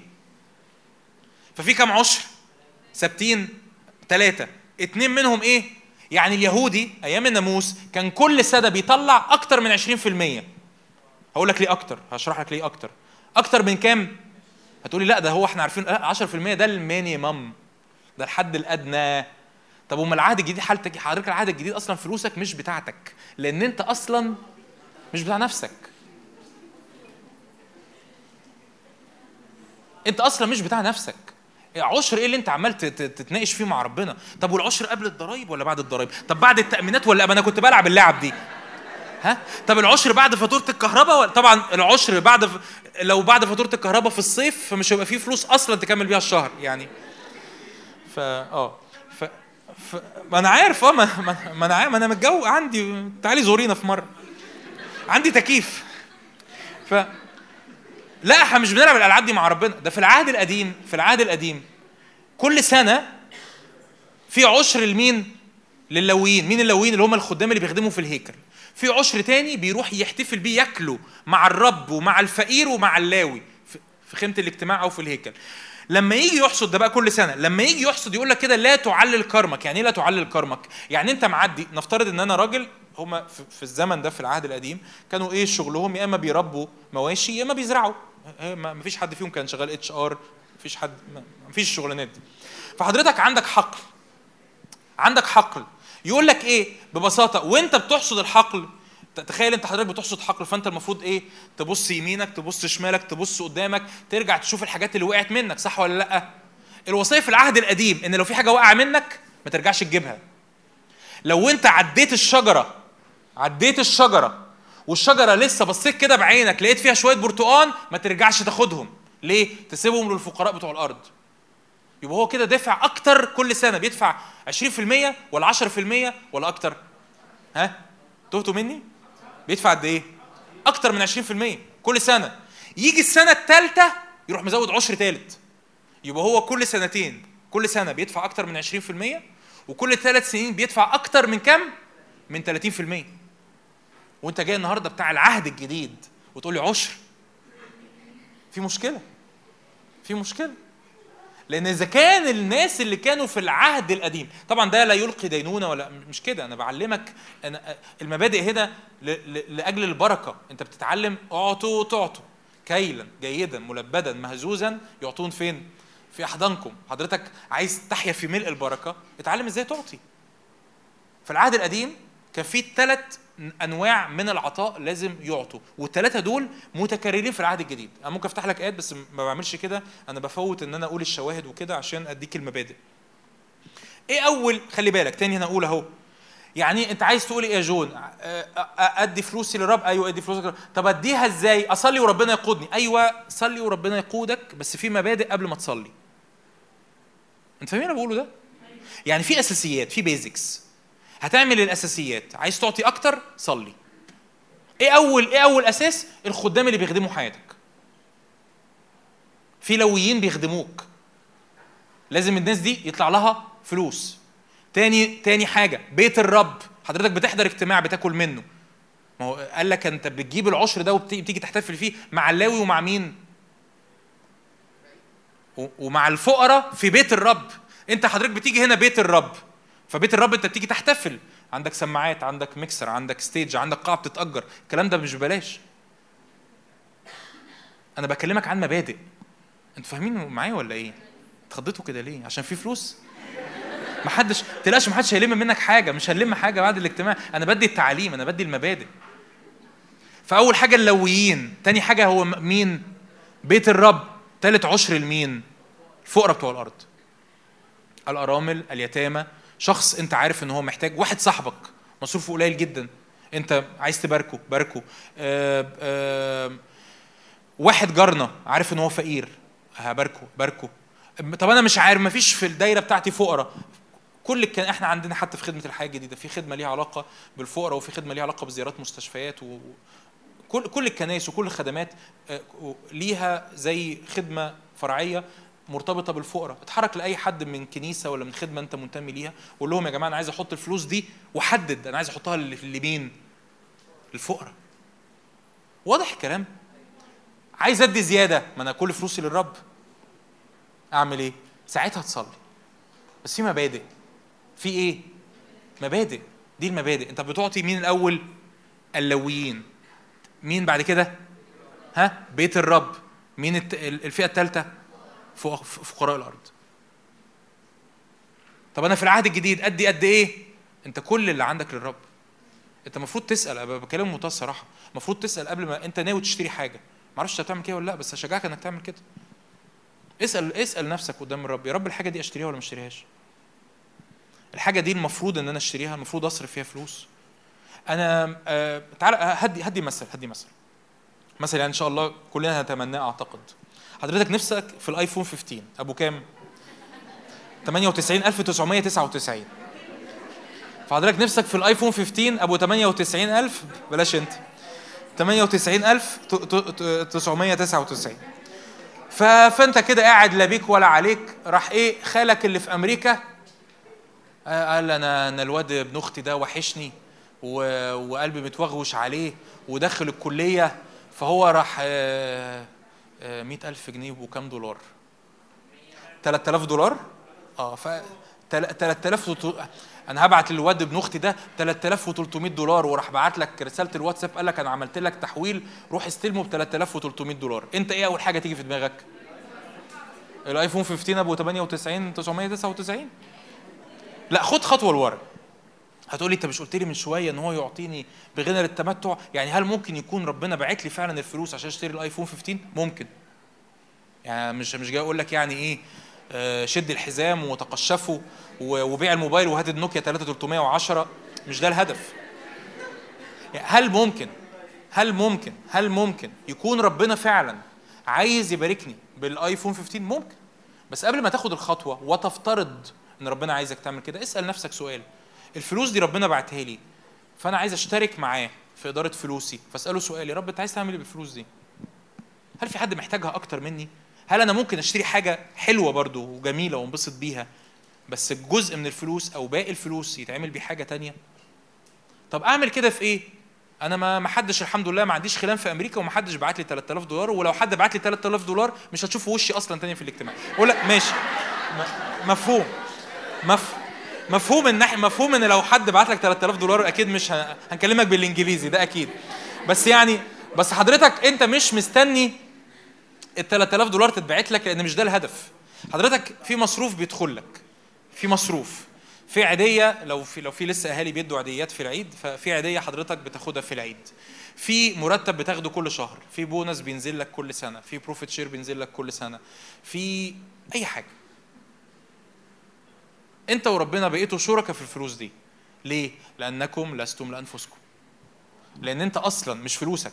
انت أصلا مش بتاع مين؟ مش بتاع نفسك. ففلوس إيه وعشر إيه اللي بنتكلم فيه؟ يعني لا وايه وأنا بقى كمان إيه يعني أنا بقى بتغاظ إيه؟ لا أنا عايز أنا أنا بقى المفروض اقعد اقنعك انك لما تدي هتتبارك. لا أنا كده بحول لك هو هنضحك على ربنا. هو أنا هدي عشان اتبارك؟ أنا هدي عشان عايز اكون شبهه. مش عشان هدي عشان اتبارك اللي هو باخد باخد بالايد دي ومستني. فين بقى ها؟ فين بقى؟ ما ما, ما جاليش التحويل ابو 3300 دولار. ما جاليش. لا إحنا مش هنضحك على ربنا. إحنا مش هنضحك على ربنا. يبقى كده يبقى كده فين؟ إيه الاله اللي أنا بعبده لو أنا بعمل كده؟ الفلوس. ما أنا لو بقى لو أنا بعمل لو أنا بدي عشان ربنا يردها لي يبقى أنا بعبد برضو الفلوس.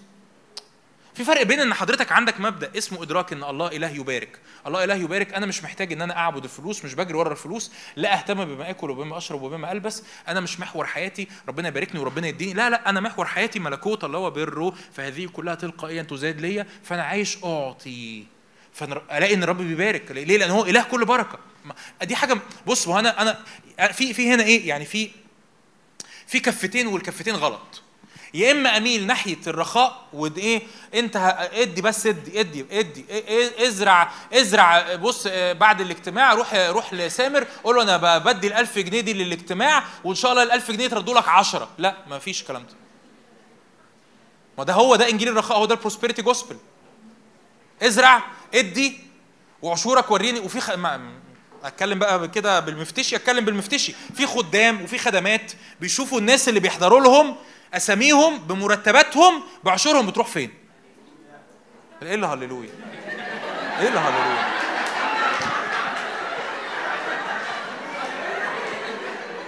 ضيعت عليا اللحظة. ربنا يسامحك ويسامحهم. لا القصة مش كده. القصة مش كده. القصة مش القصة مش إنه تبعية ربنا وكأنه شيك على بياض. وكأنه شيك على بياض للغنى السهل أو للثراء السريع. لا لا لا. الله إله غني أب غني يبارك أولاده في مبادئ للبركة. ان حضرتك بتتبعه بكل بقى مش تقولي بقى آه يعني أنا أدي عشان آخد. لا ما أنت لو بتدي عشان تاخد يبقى أنت أصلا مش بتتبعه. يبقى أنت بتضحك عليه وربنا ما بيضحكش عليه. ربنا مش عيل. ربنا ما بيضحكش عليه. ده ده ده, ده هبل دي سذاجة اللي أنت بتقوله ده. ان أنا هدي ربنا عشان يباركني. مش حاجة اسمها كده. انت بتعطي عشان انت تريد ان تكون مثله. عايز تبقى شبهه. عايز تعطي. هو بيعلمك ان انك تعطي. وهو اقامك. انت شايف قيمة غالية وعالية ان أنا موجود بركة في الأرض. فاللي في جيبي ده مش بتاعي. أنا موجود بركة في الأرض. ففي ناس طول الوقت في طول الوقت طول الوقت طول الوقت ايا كان مستواك المادي طول الوقت في ناس محتاجين أكتر منك. طول الوقت في ناس حواليك ينفع تباركهم. من أول الأوفيس بوي اللي عندك في الشركة عامل النظافة عندك في الكلية كل دول. الراجل اللي بتقابليه في المترو الجارك اللي, اللي طلع على المعاش وما حدش بيسأل عليه كل دول ينفع تباركهم. تمام؟ فدي كفة مايلة كفة غلط. اسمها إيه؟ اسمها رخاء اسمها إدي عشان ربنا يباركك وفلوسك تزيد. ده غلط مش ده اللي بقوله. أمال بقول إيه؟ إلهنا هو إله كل بركة. يزيدكم كل نعمة لكي يكون لكم كل اكتفاء كل حين في كل شيء تزدادون في كل عمل صالح. هو طول الوقت بيبارك عشان يكفيني في كل شيء طول الوقت عشان أزداد. بص النتيجة لكي إيه؟ تزدادوا في إيه؟ في الفلوس الكتير. لا في كل عمل إيه؟ صالح. فهو يزودني عشان أزداد في العمل الصالح. فيزودني فازداد في العمل الصالح. فيزودني فازداد في العمل الصالح. وفي كفة تانية برضو بايظة. اسمها إيه؟ روح الفقر. دي مش شتيمة. ده روح شرير. ده تعليم تعليم في الكنيسة الشرقية. اسمه إيه؟ اسمه إنه أكيد أكيد أكيد أكيد ربنا ما يحبكش تكون متبارك. لا غلط. ولا ده ولا ده. ما ينفعش أرمي على الناحية دي إنه أكيد أنت إيه- إيه ال... بلاش أدخل في تفاصيل مش مش مش بتاعتكم هبقى أقولها في حتة تانية. فال... فال... فاللي بيتبع الرب ده لازم يبقى لابس مقطع ومهلهل و... ولو شفناه بيخرج من أين لك هذا؟ إيه ده؟ خادم وبيخرج؟ إيه ده؟ قسيس وراكب عربية ما يص... إزاي؟ لا لازم يكون بيشحت و... و... وطول الوقت بيجري. هو ده اللي بي... هو ده اللي بيعمل أمراض. أنا عارف إن الكلام ده يمكن مش ليكوا قوي يمكن للناس اللي بيتابعونا بيتفرجوا بعدين بس هو ده اللي بيعمل أمراض في الكنيسة هو ده اللي بيعمل أمراض في الخدمة. والقسيس يزور العيلة اللي معاه فلوس واللي معهمش فلوس ما يزورهمش. ليه؟ لأن اللي معاهم فلوس هو اللي يطلع الظرف بعد الزيارة. وده اللي بيحصل. إيه اللي طلع ده؟ روح الفقر.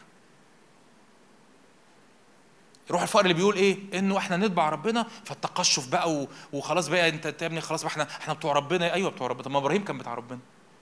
ما فيليمون كان بتاع ربنا. ما ليدي كانت بتاعت ربنا. وكل دول بتاعت ربنا. تقول لي أنت قصدك يعني لازم نبقى أغنياء؟ لا. بولس برضو كان بتاع ربنا. يقول كده تعلمت ان أستفضل وان إيه؟ وان أنقص. أستطيع كل شيء في المسيح الذي يقويني. ممكن يبقى في يوم معايا يوم يوم معيش. لكن أنا عارف إنه فيملأ. يقول بع- بعد ما يقول كده أستطيع أن أستفضل أستطيع أن أنقص في كل شيء تدربته. على جميع الأشياء تدربته. إنه أوقات يبقى معايا وأوقات ما يبقاش معايا. بعديها يقول إيه؟ فيملأ إلهي كل احتياجكم بحسب غناه في المجد. يعني إيه المبدأ؟ المبدأ إنه إله البركة.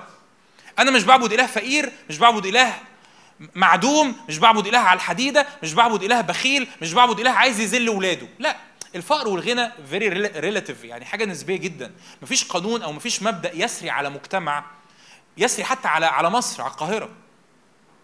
مقياس الغنى في في حي مش عايز أقول أسماء يعني في حي كذا غير حي كذا غير حي كذا غير حي كذا كل حي حتى في القاهرة ليه مقياس الغنى والفقير بتاعه والفقر بتاعه؟ ممكن يبقى حد في حي من أغنى أغنياء الحارة ونفس الشخص ده في حي تاني أفقر واحد بالنسبة له.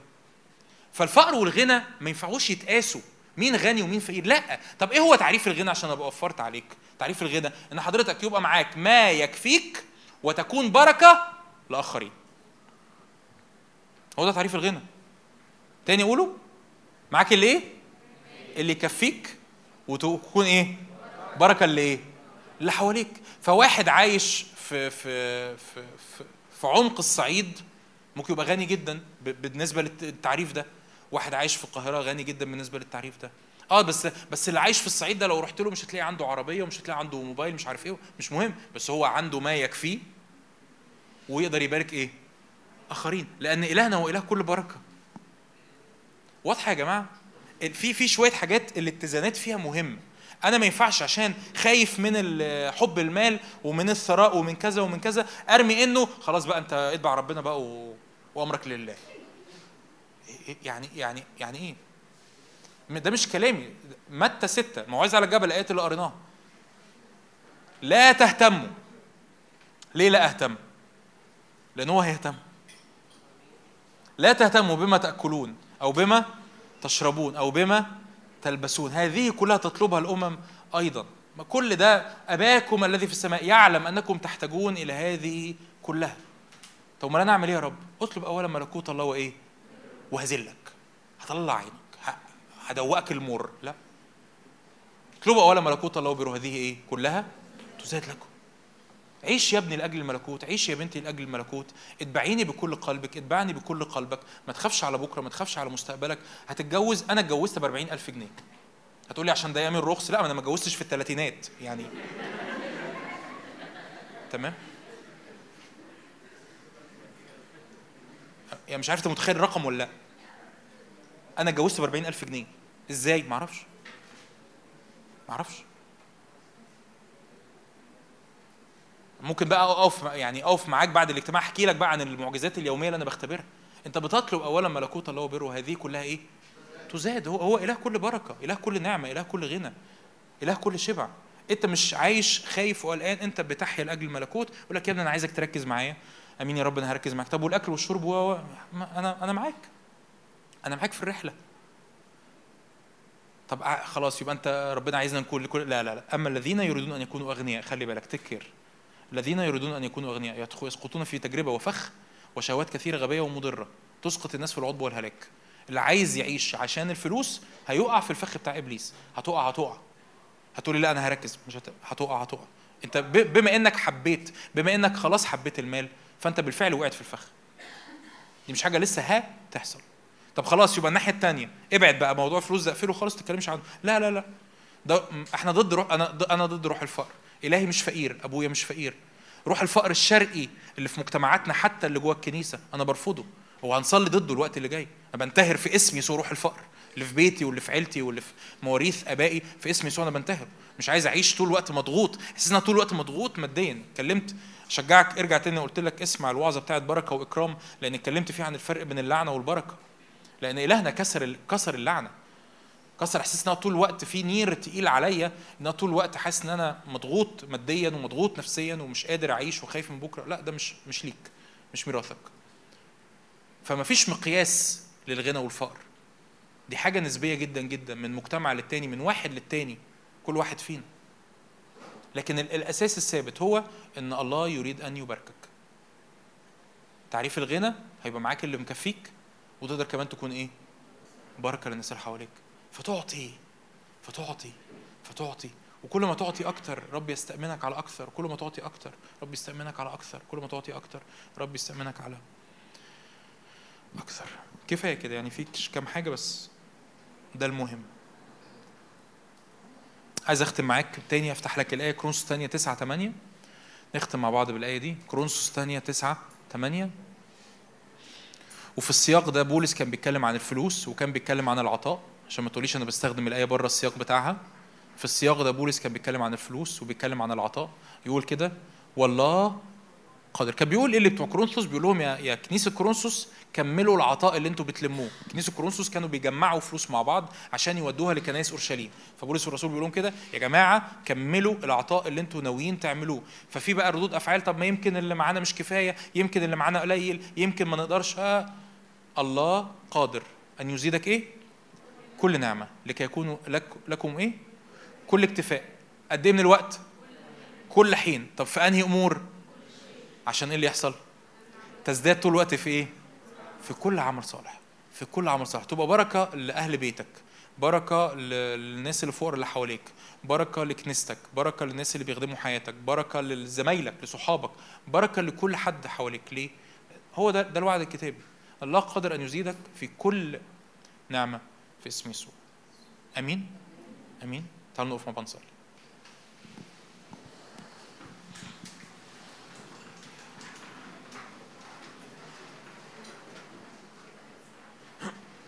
هللويا.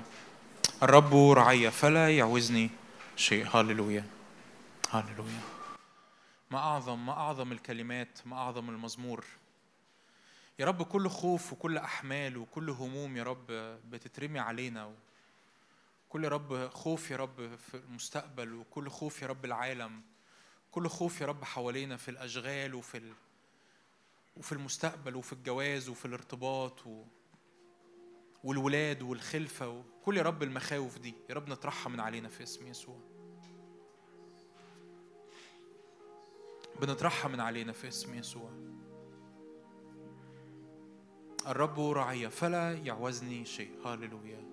الرب رعي فلا يعوزني شيء. هللويا. هللويا. ما أجمل وما أمجد الكلمات. أشجعك من كل قلبي حقيقي. مزمور 23 و34 و37 احفظهم. احفظهم. احفظهم عن ظهر قلب. احفظهم ورددهم وصلي بيهم. واعلنهم على أيامك واعلنهم على مستقبلك واعلنهم على حياتك. اعلنهم على فلوسك وعلى شغلك وعلى مادياتك وانت مدرك انه أنا أنا مش عايش هنا في الأرض بحاول أعافر وبحاول أصارع واجيب فلوس وهعمل الدنيا بدراعي. الرب حتى في في العهد القديم لما يكلم شعب إسرائيل يقول لهم كده افتكروا أن الله الرب إلهك هو الذي أعطاك القدرة على اصطناع الثروة. يعني حتى الناس اللي عملوا ثروات الله هو اللي أعطاهم القدرة على اصطناع الثروة. فقصة مش بدراعي ومجهودي وبإمكانياتي. تقول لي طب أنا مش مختبر ده في حياتي ومش مختبر ده في بيتي. صدق معايا. تبتدي تختبر ده. إن يا رب أختبر إني عايش في ستر العلي إني عايش يا رب تحت غطاء الإله القدير في كل أمور حياتي. الله قادر. لو تحب افتح عينك بس حتى بص على الآية كده ورددها في قلبك. الله قادر أن يزيدني. قولها كده بص- بصيغة الأنا. الله قادر أن يزيدني كل نعمة. لكي يكون ولي كل اكتفاء في كل شيء كل حين فأزداد في كل عمل صالح. هللويا. الله قادر أن يزيدني كل نعمة. لكي يكون لي كل اكتفاء كل حين طول الوقت في كل شيء فأزداد فيه عمل صالح. هللويا هللويا هللويا. شكرا يا رب لأجل يا رب ببركتك اللي بعلنها على اخواتي يا رب في اسم يسوع شكرا لأن أؤمن إن الإعلان النهاردة يعني أنا جاي مثقل بالأمر ده النهاردة إن إعلان الأب الغني الأب اللي مليان بركة يملانا فمش فما نعيش خايفين. فلما الرب يقول لك اتبعني أنت مش خايف. لما الرب يقول لك امشي ورايا أنت مش خايفة. لما الرب يقول لك امشي ورايا وعيشي في قداسة وعيشي في تقوى أنت مش خايفة. لما الرب يقول لك اتبعني بالرغم من الظلم أو الشر أو ال... أو الفساد اللي حاصل في شغلك اللي ممكن يخسرك شغلك أنت مش خايف. لأنه أبويا أبويا معي في كل حين لأن أبي معي في كل حين لأن هو الإله الذي يملأ كل احتياج بحسب غناه في المجد في اسم يسوع.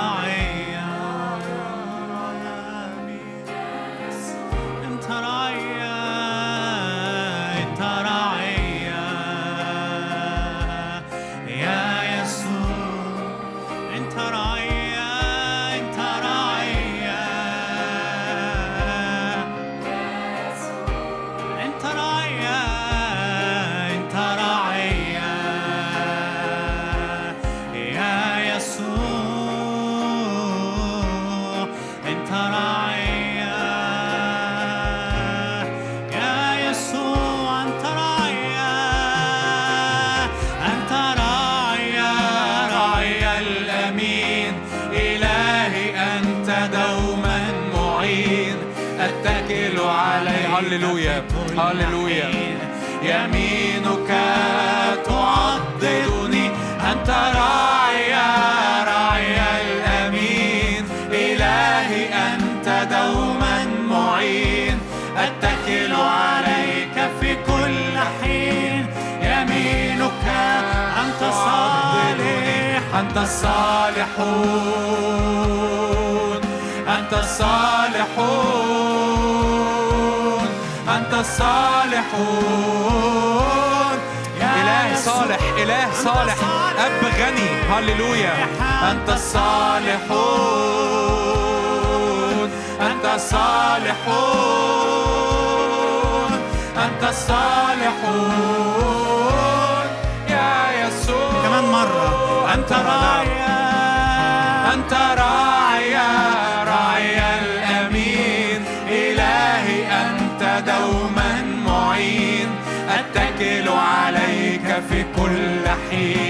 يمينك تعضدني. أنت راعي راعي الأمين. إلهي أنت دوما معين. أتكل عليك في كل حين. يمينك أنت راعي أنت راعي يا يسوع.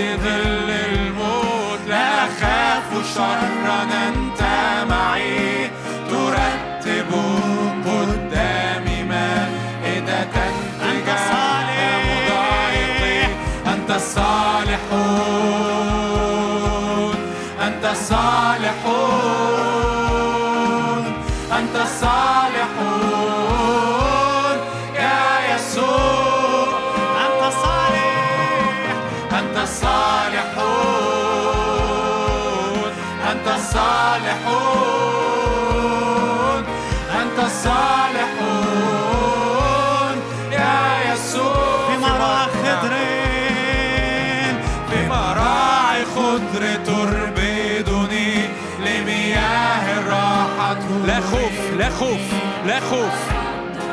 في اسم يسوع. أنا بربط روح الخوف الآن في اسم يسوع. لا خوف لا خوف على حياتك. في مراعي خضر تربدني لمياه الراحة تردني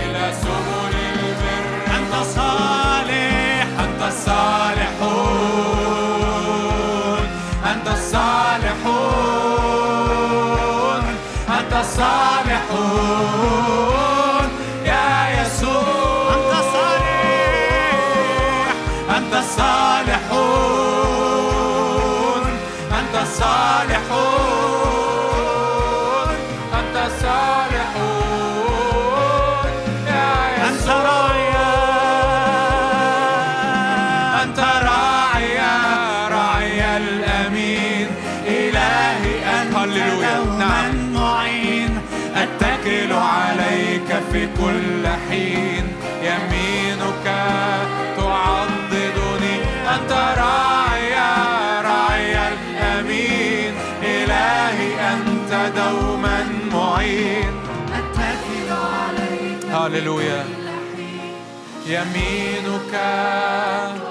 أنت صالح. أنت الصالحون اعلن صلاح الرب. أنت الصالحون أنت الصالحون نعم. يا يسوع هللويا أنت الصالحون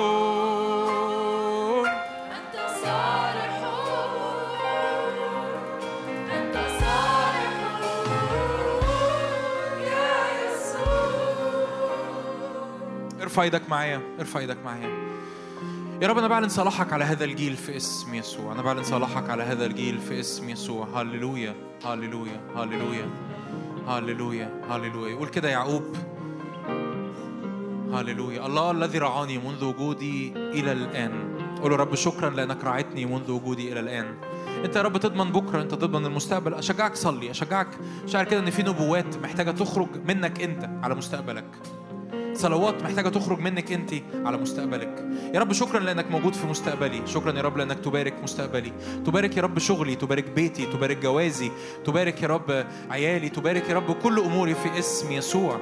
هللويا. كنت فتى وقد شخت ولم أرى صديقا تخلي عنه ولا ذرية له تلتمس خبزا في اسم يسوع. الشرير يقرض الشرير يقترض ولا يفي لكن يا رب الصديق يترأف ويقرض في اسم الرب يسوع. شكرا يا رب لأنك تملأ كل احتياج بحسب غناك في المجد. شكرا يا رب لأنك إله صلاح إله أمانة إله بركة إله وفرة في اسم الرب يسوع. شكرا يا رب لأنك إله غنى في اسم الرب يسوع. شكرا يا رب لأنك تملأ كل احتياج بحسب غناك في المجد في اسم الرب يسوع. هللويا. وانت رافع إيدك كده عايز اصلي في اسم الرب يسوع. أنا بنتهي روح الفقر من على حياتك في اسم يسوع. لو انت شاعر انه في امور متوارثة في بيتك أو في عيلتك مرتبطة باللعنة في الأمور المادية مرتبطة إن دايما في شورتج دايما في إحساس إن اللي عندنا مش كفاية ودايما في إحساس إن إن الشهر ما بيكفيش ودايما في إحساس إن إحنا مضغوطين وفي في كده زي نير تقيل على على كتافنا في البيت بابا وماما وأهلي وعلى حياتي أنا شخصيا. ارفع إيدك كده معايا في اسم الرب يسوع. أنا بصدق يا رب إن المسيح افتداني من كل لعنة في اسم الرب يسوع.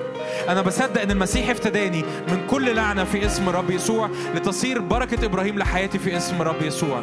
أنا بصدق يا رب إن المسيح افتداني من كل لعنة في اسم الرب يسوع لتر... لتصير بركة إبراهيم لحياتي في اسم الرب يسوع. شكرا يا رب لأني مش تحت غطاء لعنة. شكرا لأني مش تحت غطاء فقر. شكرا لأني مش تحت غطاء خطية. شكرا يا رب لأني مش تحت غطاء اختيارات سلبية واختيارات خاطئة. شكرا يا رب لأني مبارك لكي أكون بركة في اسم يسوع. شكرا يا رب لأني مبارك لكي أكون بركة في اسم الرب يسوع. شكرا يا رب لأن أبويا إله غني أبويا إله بركة أبويا إله شبع أبويا إله رعاية. شكرا يا رب لأني مبارك وأكون بركة ارفع إيدك كده معايا واعلن ارفع كده معايا واعلن بإيمان. يا رب أنا مبارك لكي أكون بركة في اسم يسوع. مبارك في خروجي مبارك مبارك في دخولي مبارك في شغلي مبارك في جوازي مبارك في ارتباطي مبارك في ولادي وإلى بني البنين في اسم الرب يسوع. الكتاب بيقول كده الصديق يذخر لبني البنين. يعني الصديق يحوش ميراث إلى بني البنين. هتقول لي الكلام ده مكتوب فين؟ أقول لك الكلام ده مكتوب في, الكتاب. سفر سفر الأمثال. الصديق يذخر لبني البنين. يعني أحفادك ياكلوا من خيرك. مين يحب كده؟ مين يحب ده؟ مين يحب ده؟ أحفادك ياكلوا من خيرك، قول يا رب شكرا شكرا لأن أحفادي ياكلوا من خيرك في حياتي. شكرا لأن أحفادي ياكلوا من خيرك في حياتي. شكرا لأن حتى أحفادي متباركين بسبب البركة في حياتي، بسبب حضور الرب في حياتي في اسم يسوع.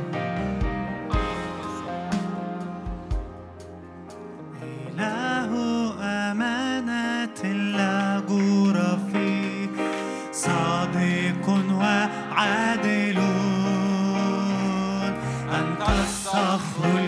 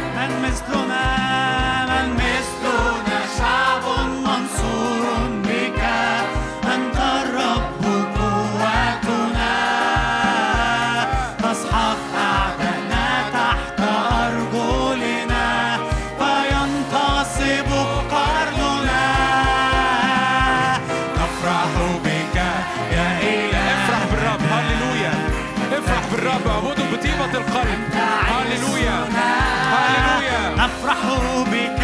يا إلهنا نفتخر بك. إله هللويا. إله أمانة لا يتغير. صادق وعادل. صديق وعادل هو. هللويا. ينفع تتسند عليه لأنه صخر كامل صنيعه. هللويا. هللويا. إله أمانة.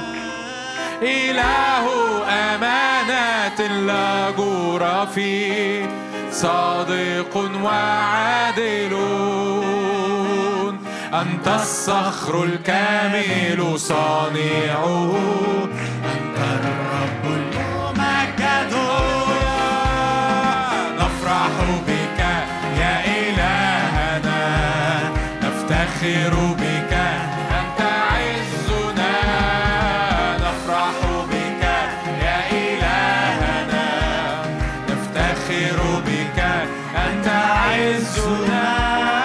the معايا عايز أصلي كم كم صلوة. ارفع إيدك معايا. خليك خليك مركز واستقبل بإيمان. في اسم الرب يسوع أي حد هنا محتاج أبواب للشغل؟ في اسم الرب يسوع ارفع إيدك بإيمان. في اسم الرب يسوع أبواب مفتوحة للشغل. في اسم الرب يسوع. رب يفتح ولا أحد يغلق ويغلق ولا أحد يفتح في اسم الرب يسوع. كل حد هنا دايما شاعر بالقصة اللعنة أو قصة الفقر أو قصة إنه تحت ضغط نفسي وتحت ضغط مادي. ارفع إيدك كده. في اسم الرب يسوع في اسم يسوع نير السلب. اللي على حياتي أو على عيلتي في اسم يسوع يكسر الآن في اسم يسوع. نير السلب اللي على حياتي وعلى عيلتي وعلى بيتي يتكسر الآن في اسم الرب يسوع. نير السلب اللي على حياتي على عيلتي وعلى بيتي يتكسر الآن في اسم الرب يسوع. أي حد داخل على ارتباط خايف على مستقبل ارتباط ارفع إيدك في اسم الرب يسوع. بعلن سلام الرب اللي يقودك. سلام الرب اللي يقودك. ليس بالقوة ولا بالقدرة بل بالروح قال رب الجنود. صدق معايا. ليس بالقوة. يا رب أنا حياتي مش أنا اللي بمشيها. فلوسي مش أنا اللي بمشيها. أيامي مش أنا اللي بمشيها. مش أنا يا رب اللي برعى حياتي. هللويا. هللويا. الرب رعية اعلنها كده بإيمان. الرب رعية الرب رعية في اسم يسوع. فلا يعوزني شيء. شكرا يا رب لأجل مستقبلي لأجل شغلي لأجل ارتباطي لأجل يا رب ولادي لأجل بني البنين. بني البنين يبقوا عايشين في بركة الرب يبقوا عايشين في خير الرب يبقوا عايشين في مراحم الرب يبقوا عايشين في شبع الرب في اسم يسوع. شكرا يا رب لأن إحنا لا ننتمي يا رب الأرض وقوانين الأرض لكن ننتمي إلى أرض جسان. شعب مختلف بمبادئ مختلفة بإمكانيات مختلفة بقوة مختلفة بسلطان مختلف بمصادر وإمكانيات نازلة من السماء. أنت مش عايش بإمكانيات من الأرض. رب قال كده الأرض اللي أنا أدخلك إياها ليست كأرض مصر تسقيها برجلك لكن هي أرض أرض جبال وبقاع يسقيها الرب من السماء. عين الرب عليها طول السماء طول السنة من أولها إلى آخرها. الأرض اللي أنت بتعيش فيها مع الرب هي مش أرض أنت بتحاول تحفر فيها بمجهودك ومش معنى كده انك مش هتشتغل ومش معنى كده انك مش هتتعب ومش معنى كده انك مش هتجتهد. هتعمل كل ده بس أنت مش متكل على ده. انت متكل على الرب الذي يملأ كل احتياج بحسب غناه في المجد. الرب اللي بيقيم شعب مليان بالبركة مليان بالشبع مليان بالوفرة فيعطي فيعطي فيعطي فيعطي. لأن الرب كده اعلنها لأن الرب يباركني وأكون بركة في اسم الرب يسوع. رب يباركني وأكون بركة في اسم الرب يسوع. اسم يسوع.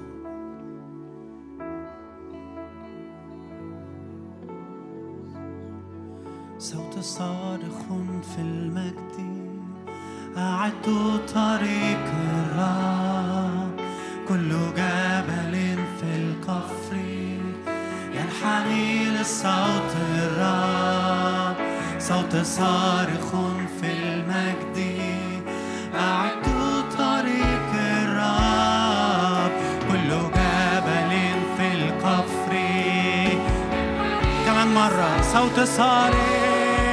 صوت صارخ في المجد. أعدوا طريق الرب. كل جبل في القفر.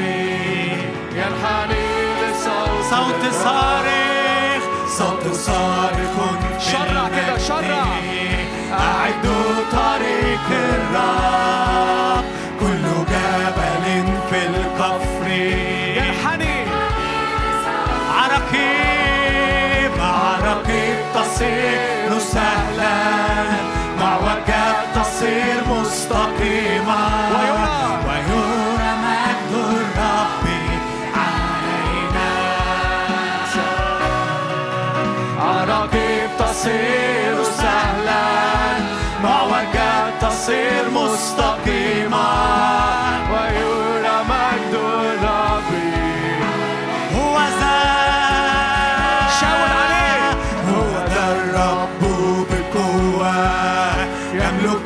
fear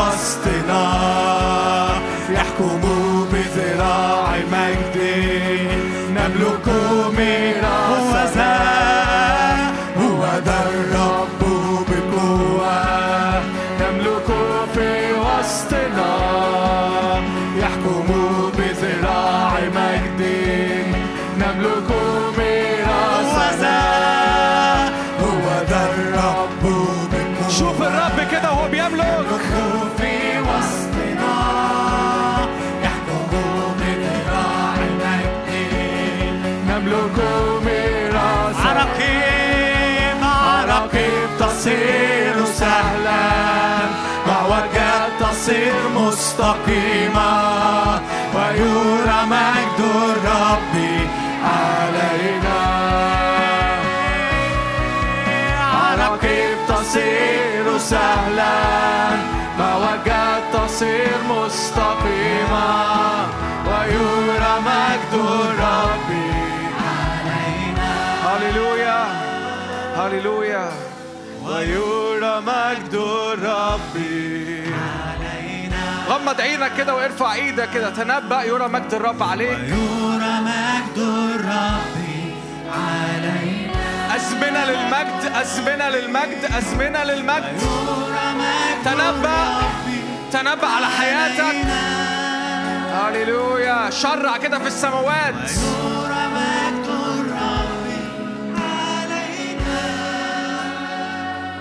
في favor في favor في favor هللويا هللويا هللويا هللويا هللويا هللويا الرب جاي يعمل حاجة عجيبة في هذا الزمن في هذا الجيل.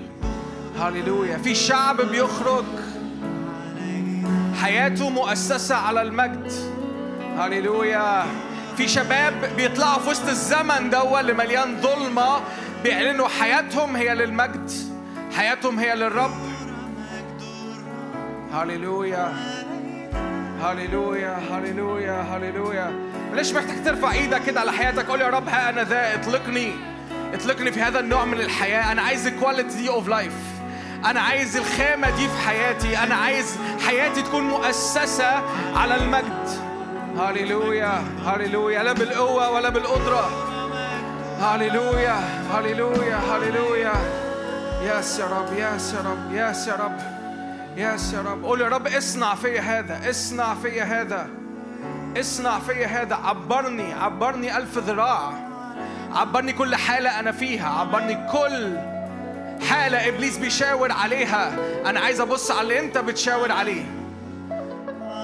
شعر كده إنه لسه في ناس كده قبل ما نطلع من الاجتماع محتاجة تحول إيمانها. من كل حاجة إبليس باصص عليها وبيشاور عليها لكل حاجة. الرب بيبص عليها وبيشاور عليها وبيقول للرب قول للرب كده ليكن ليك قولك. أيوة يا رب أنا بصدق إنه ليا الخامة دي ليا ال quality دي of life أنا مصدق إن أنا ليا ال quality دي of life أنا مصدق إن ليا الحياة دي. هللويا هللويا. ارفع ايمانك. أنا عايزك ترفع ايمانك. أنا أنا انك محتاج ترفع ايمانك. وكل صوت من عدو الخير قول له اسكت ابكم. كل صوت من عدو الخير بيقول لك كده انت هتعيش في اللعنة انت هتجري ورا اللعنة. انت مربوط باللعنة بتاعتي. قول له كده اسكت ابكم في اسم الرب يسوع. هللويا. هللويا. هللويا. تنحني فيا يا نفسي لا تئني داخلي. بل انظري هنا انظري يا نفسي. خلاص إليك اقف اقف كده في الروح.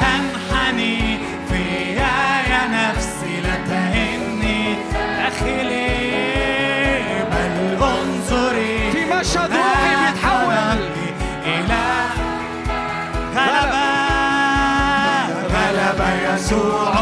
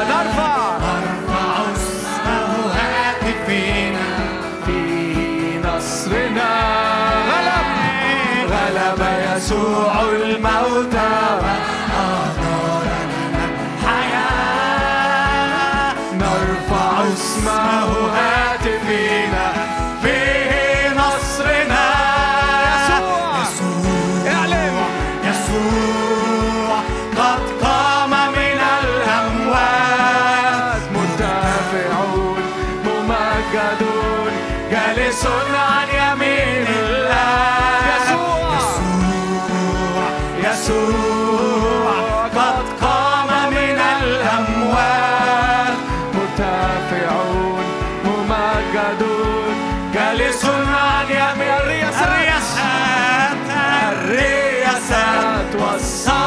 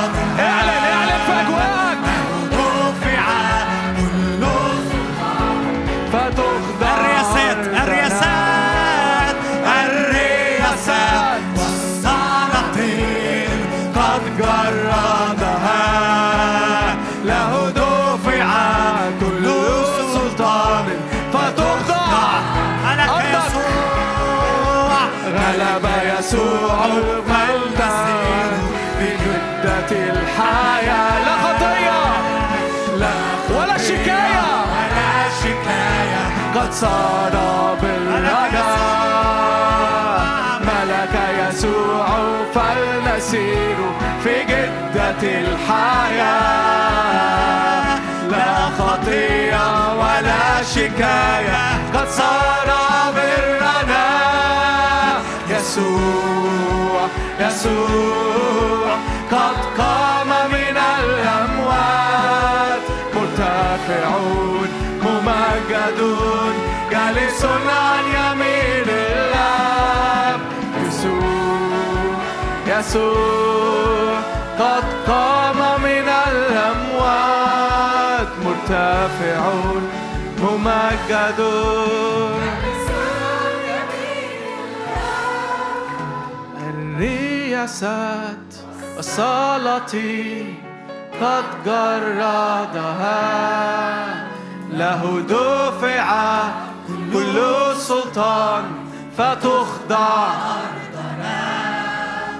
الرياسات والسلاطين قد جردها له دفع كل سلطان فتخضع أرضنا ملك يسوع فلنسير في جدة الحياة. لا خطية ولا شكاية قد صار برنا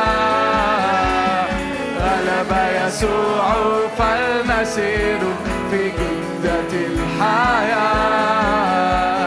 لا خطية ولا شكاية قد صار برنا يسوع. يسوع يسوع قد قام من الأموات. مرتفعون ممجدون جالس عن يمين الله. يسوع. يسوع قد قام من هللويا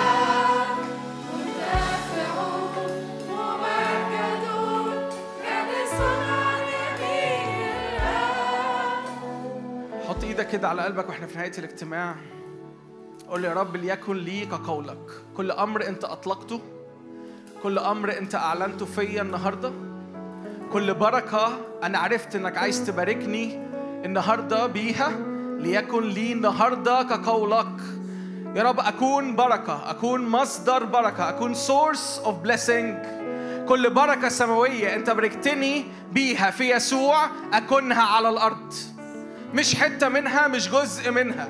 كل بركة سماوية أنت باركتني فيها في يسوع بعمل يسوع على الصليب. بالكامل تكون ليا في اسم الرب يسوع. يا رب أنا النهاردة بعلن غيرتي على كل بركة في السماء ليا. صلي معايا هذه الصلوات. أنا بعلن اتفاقي على كل بركة أنت باركتني بيها في يسوع. مش حتة منها مش جزء منها.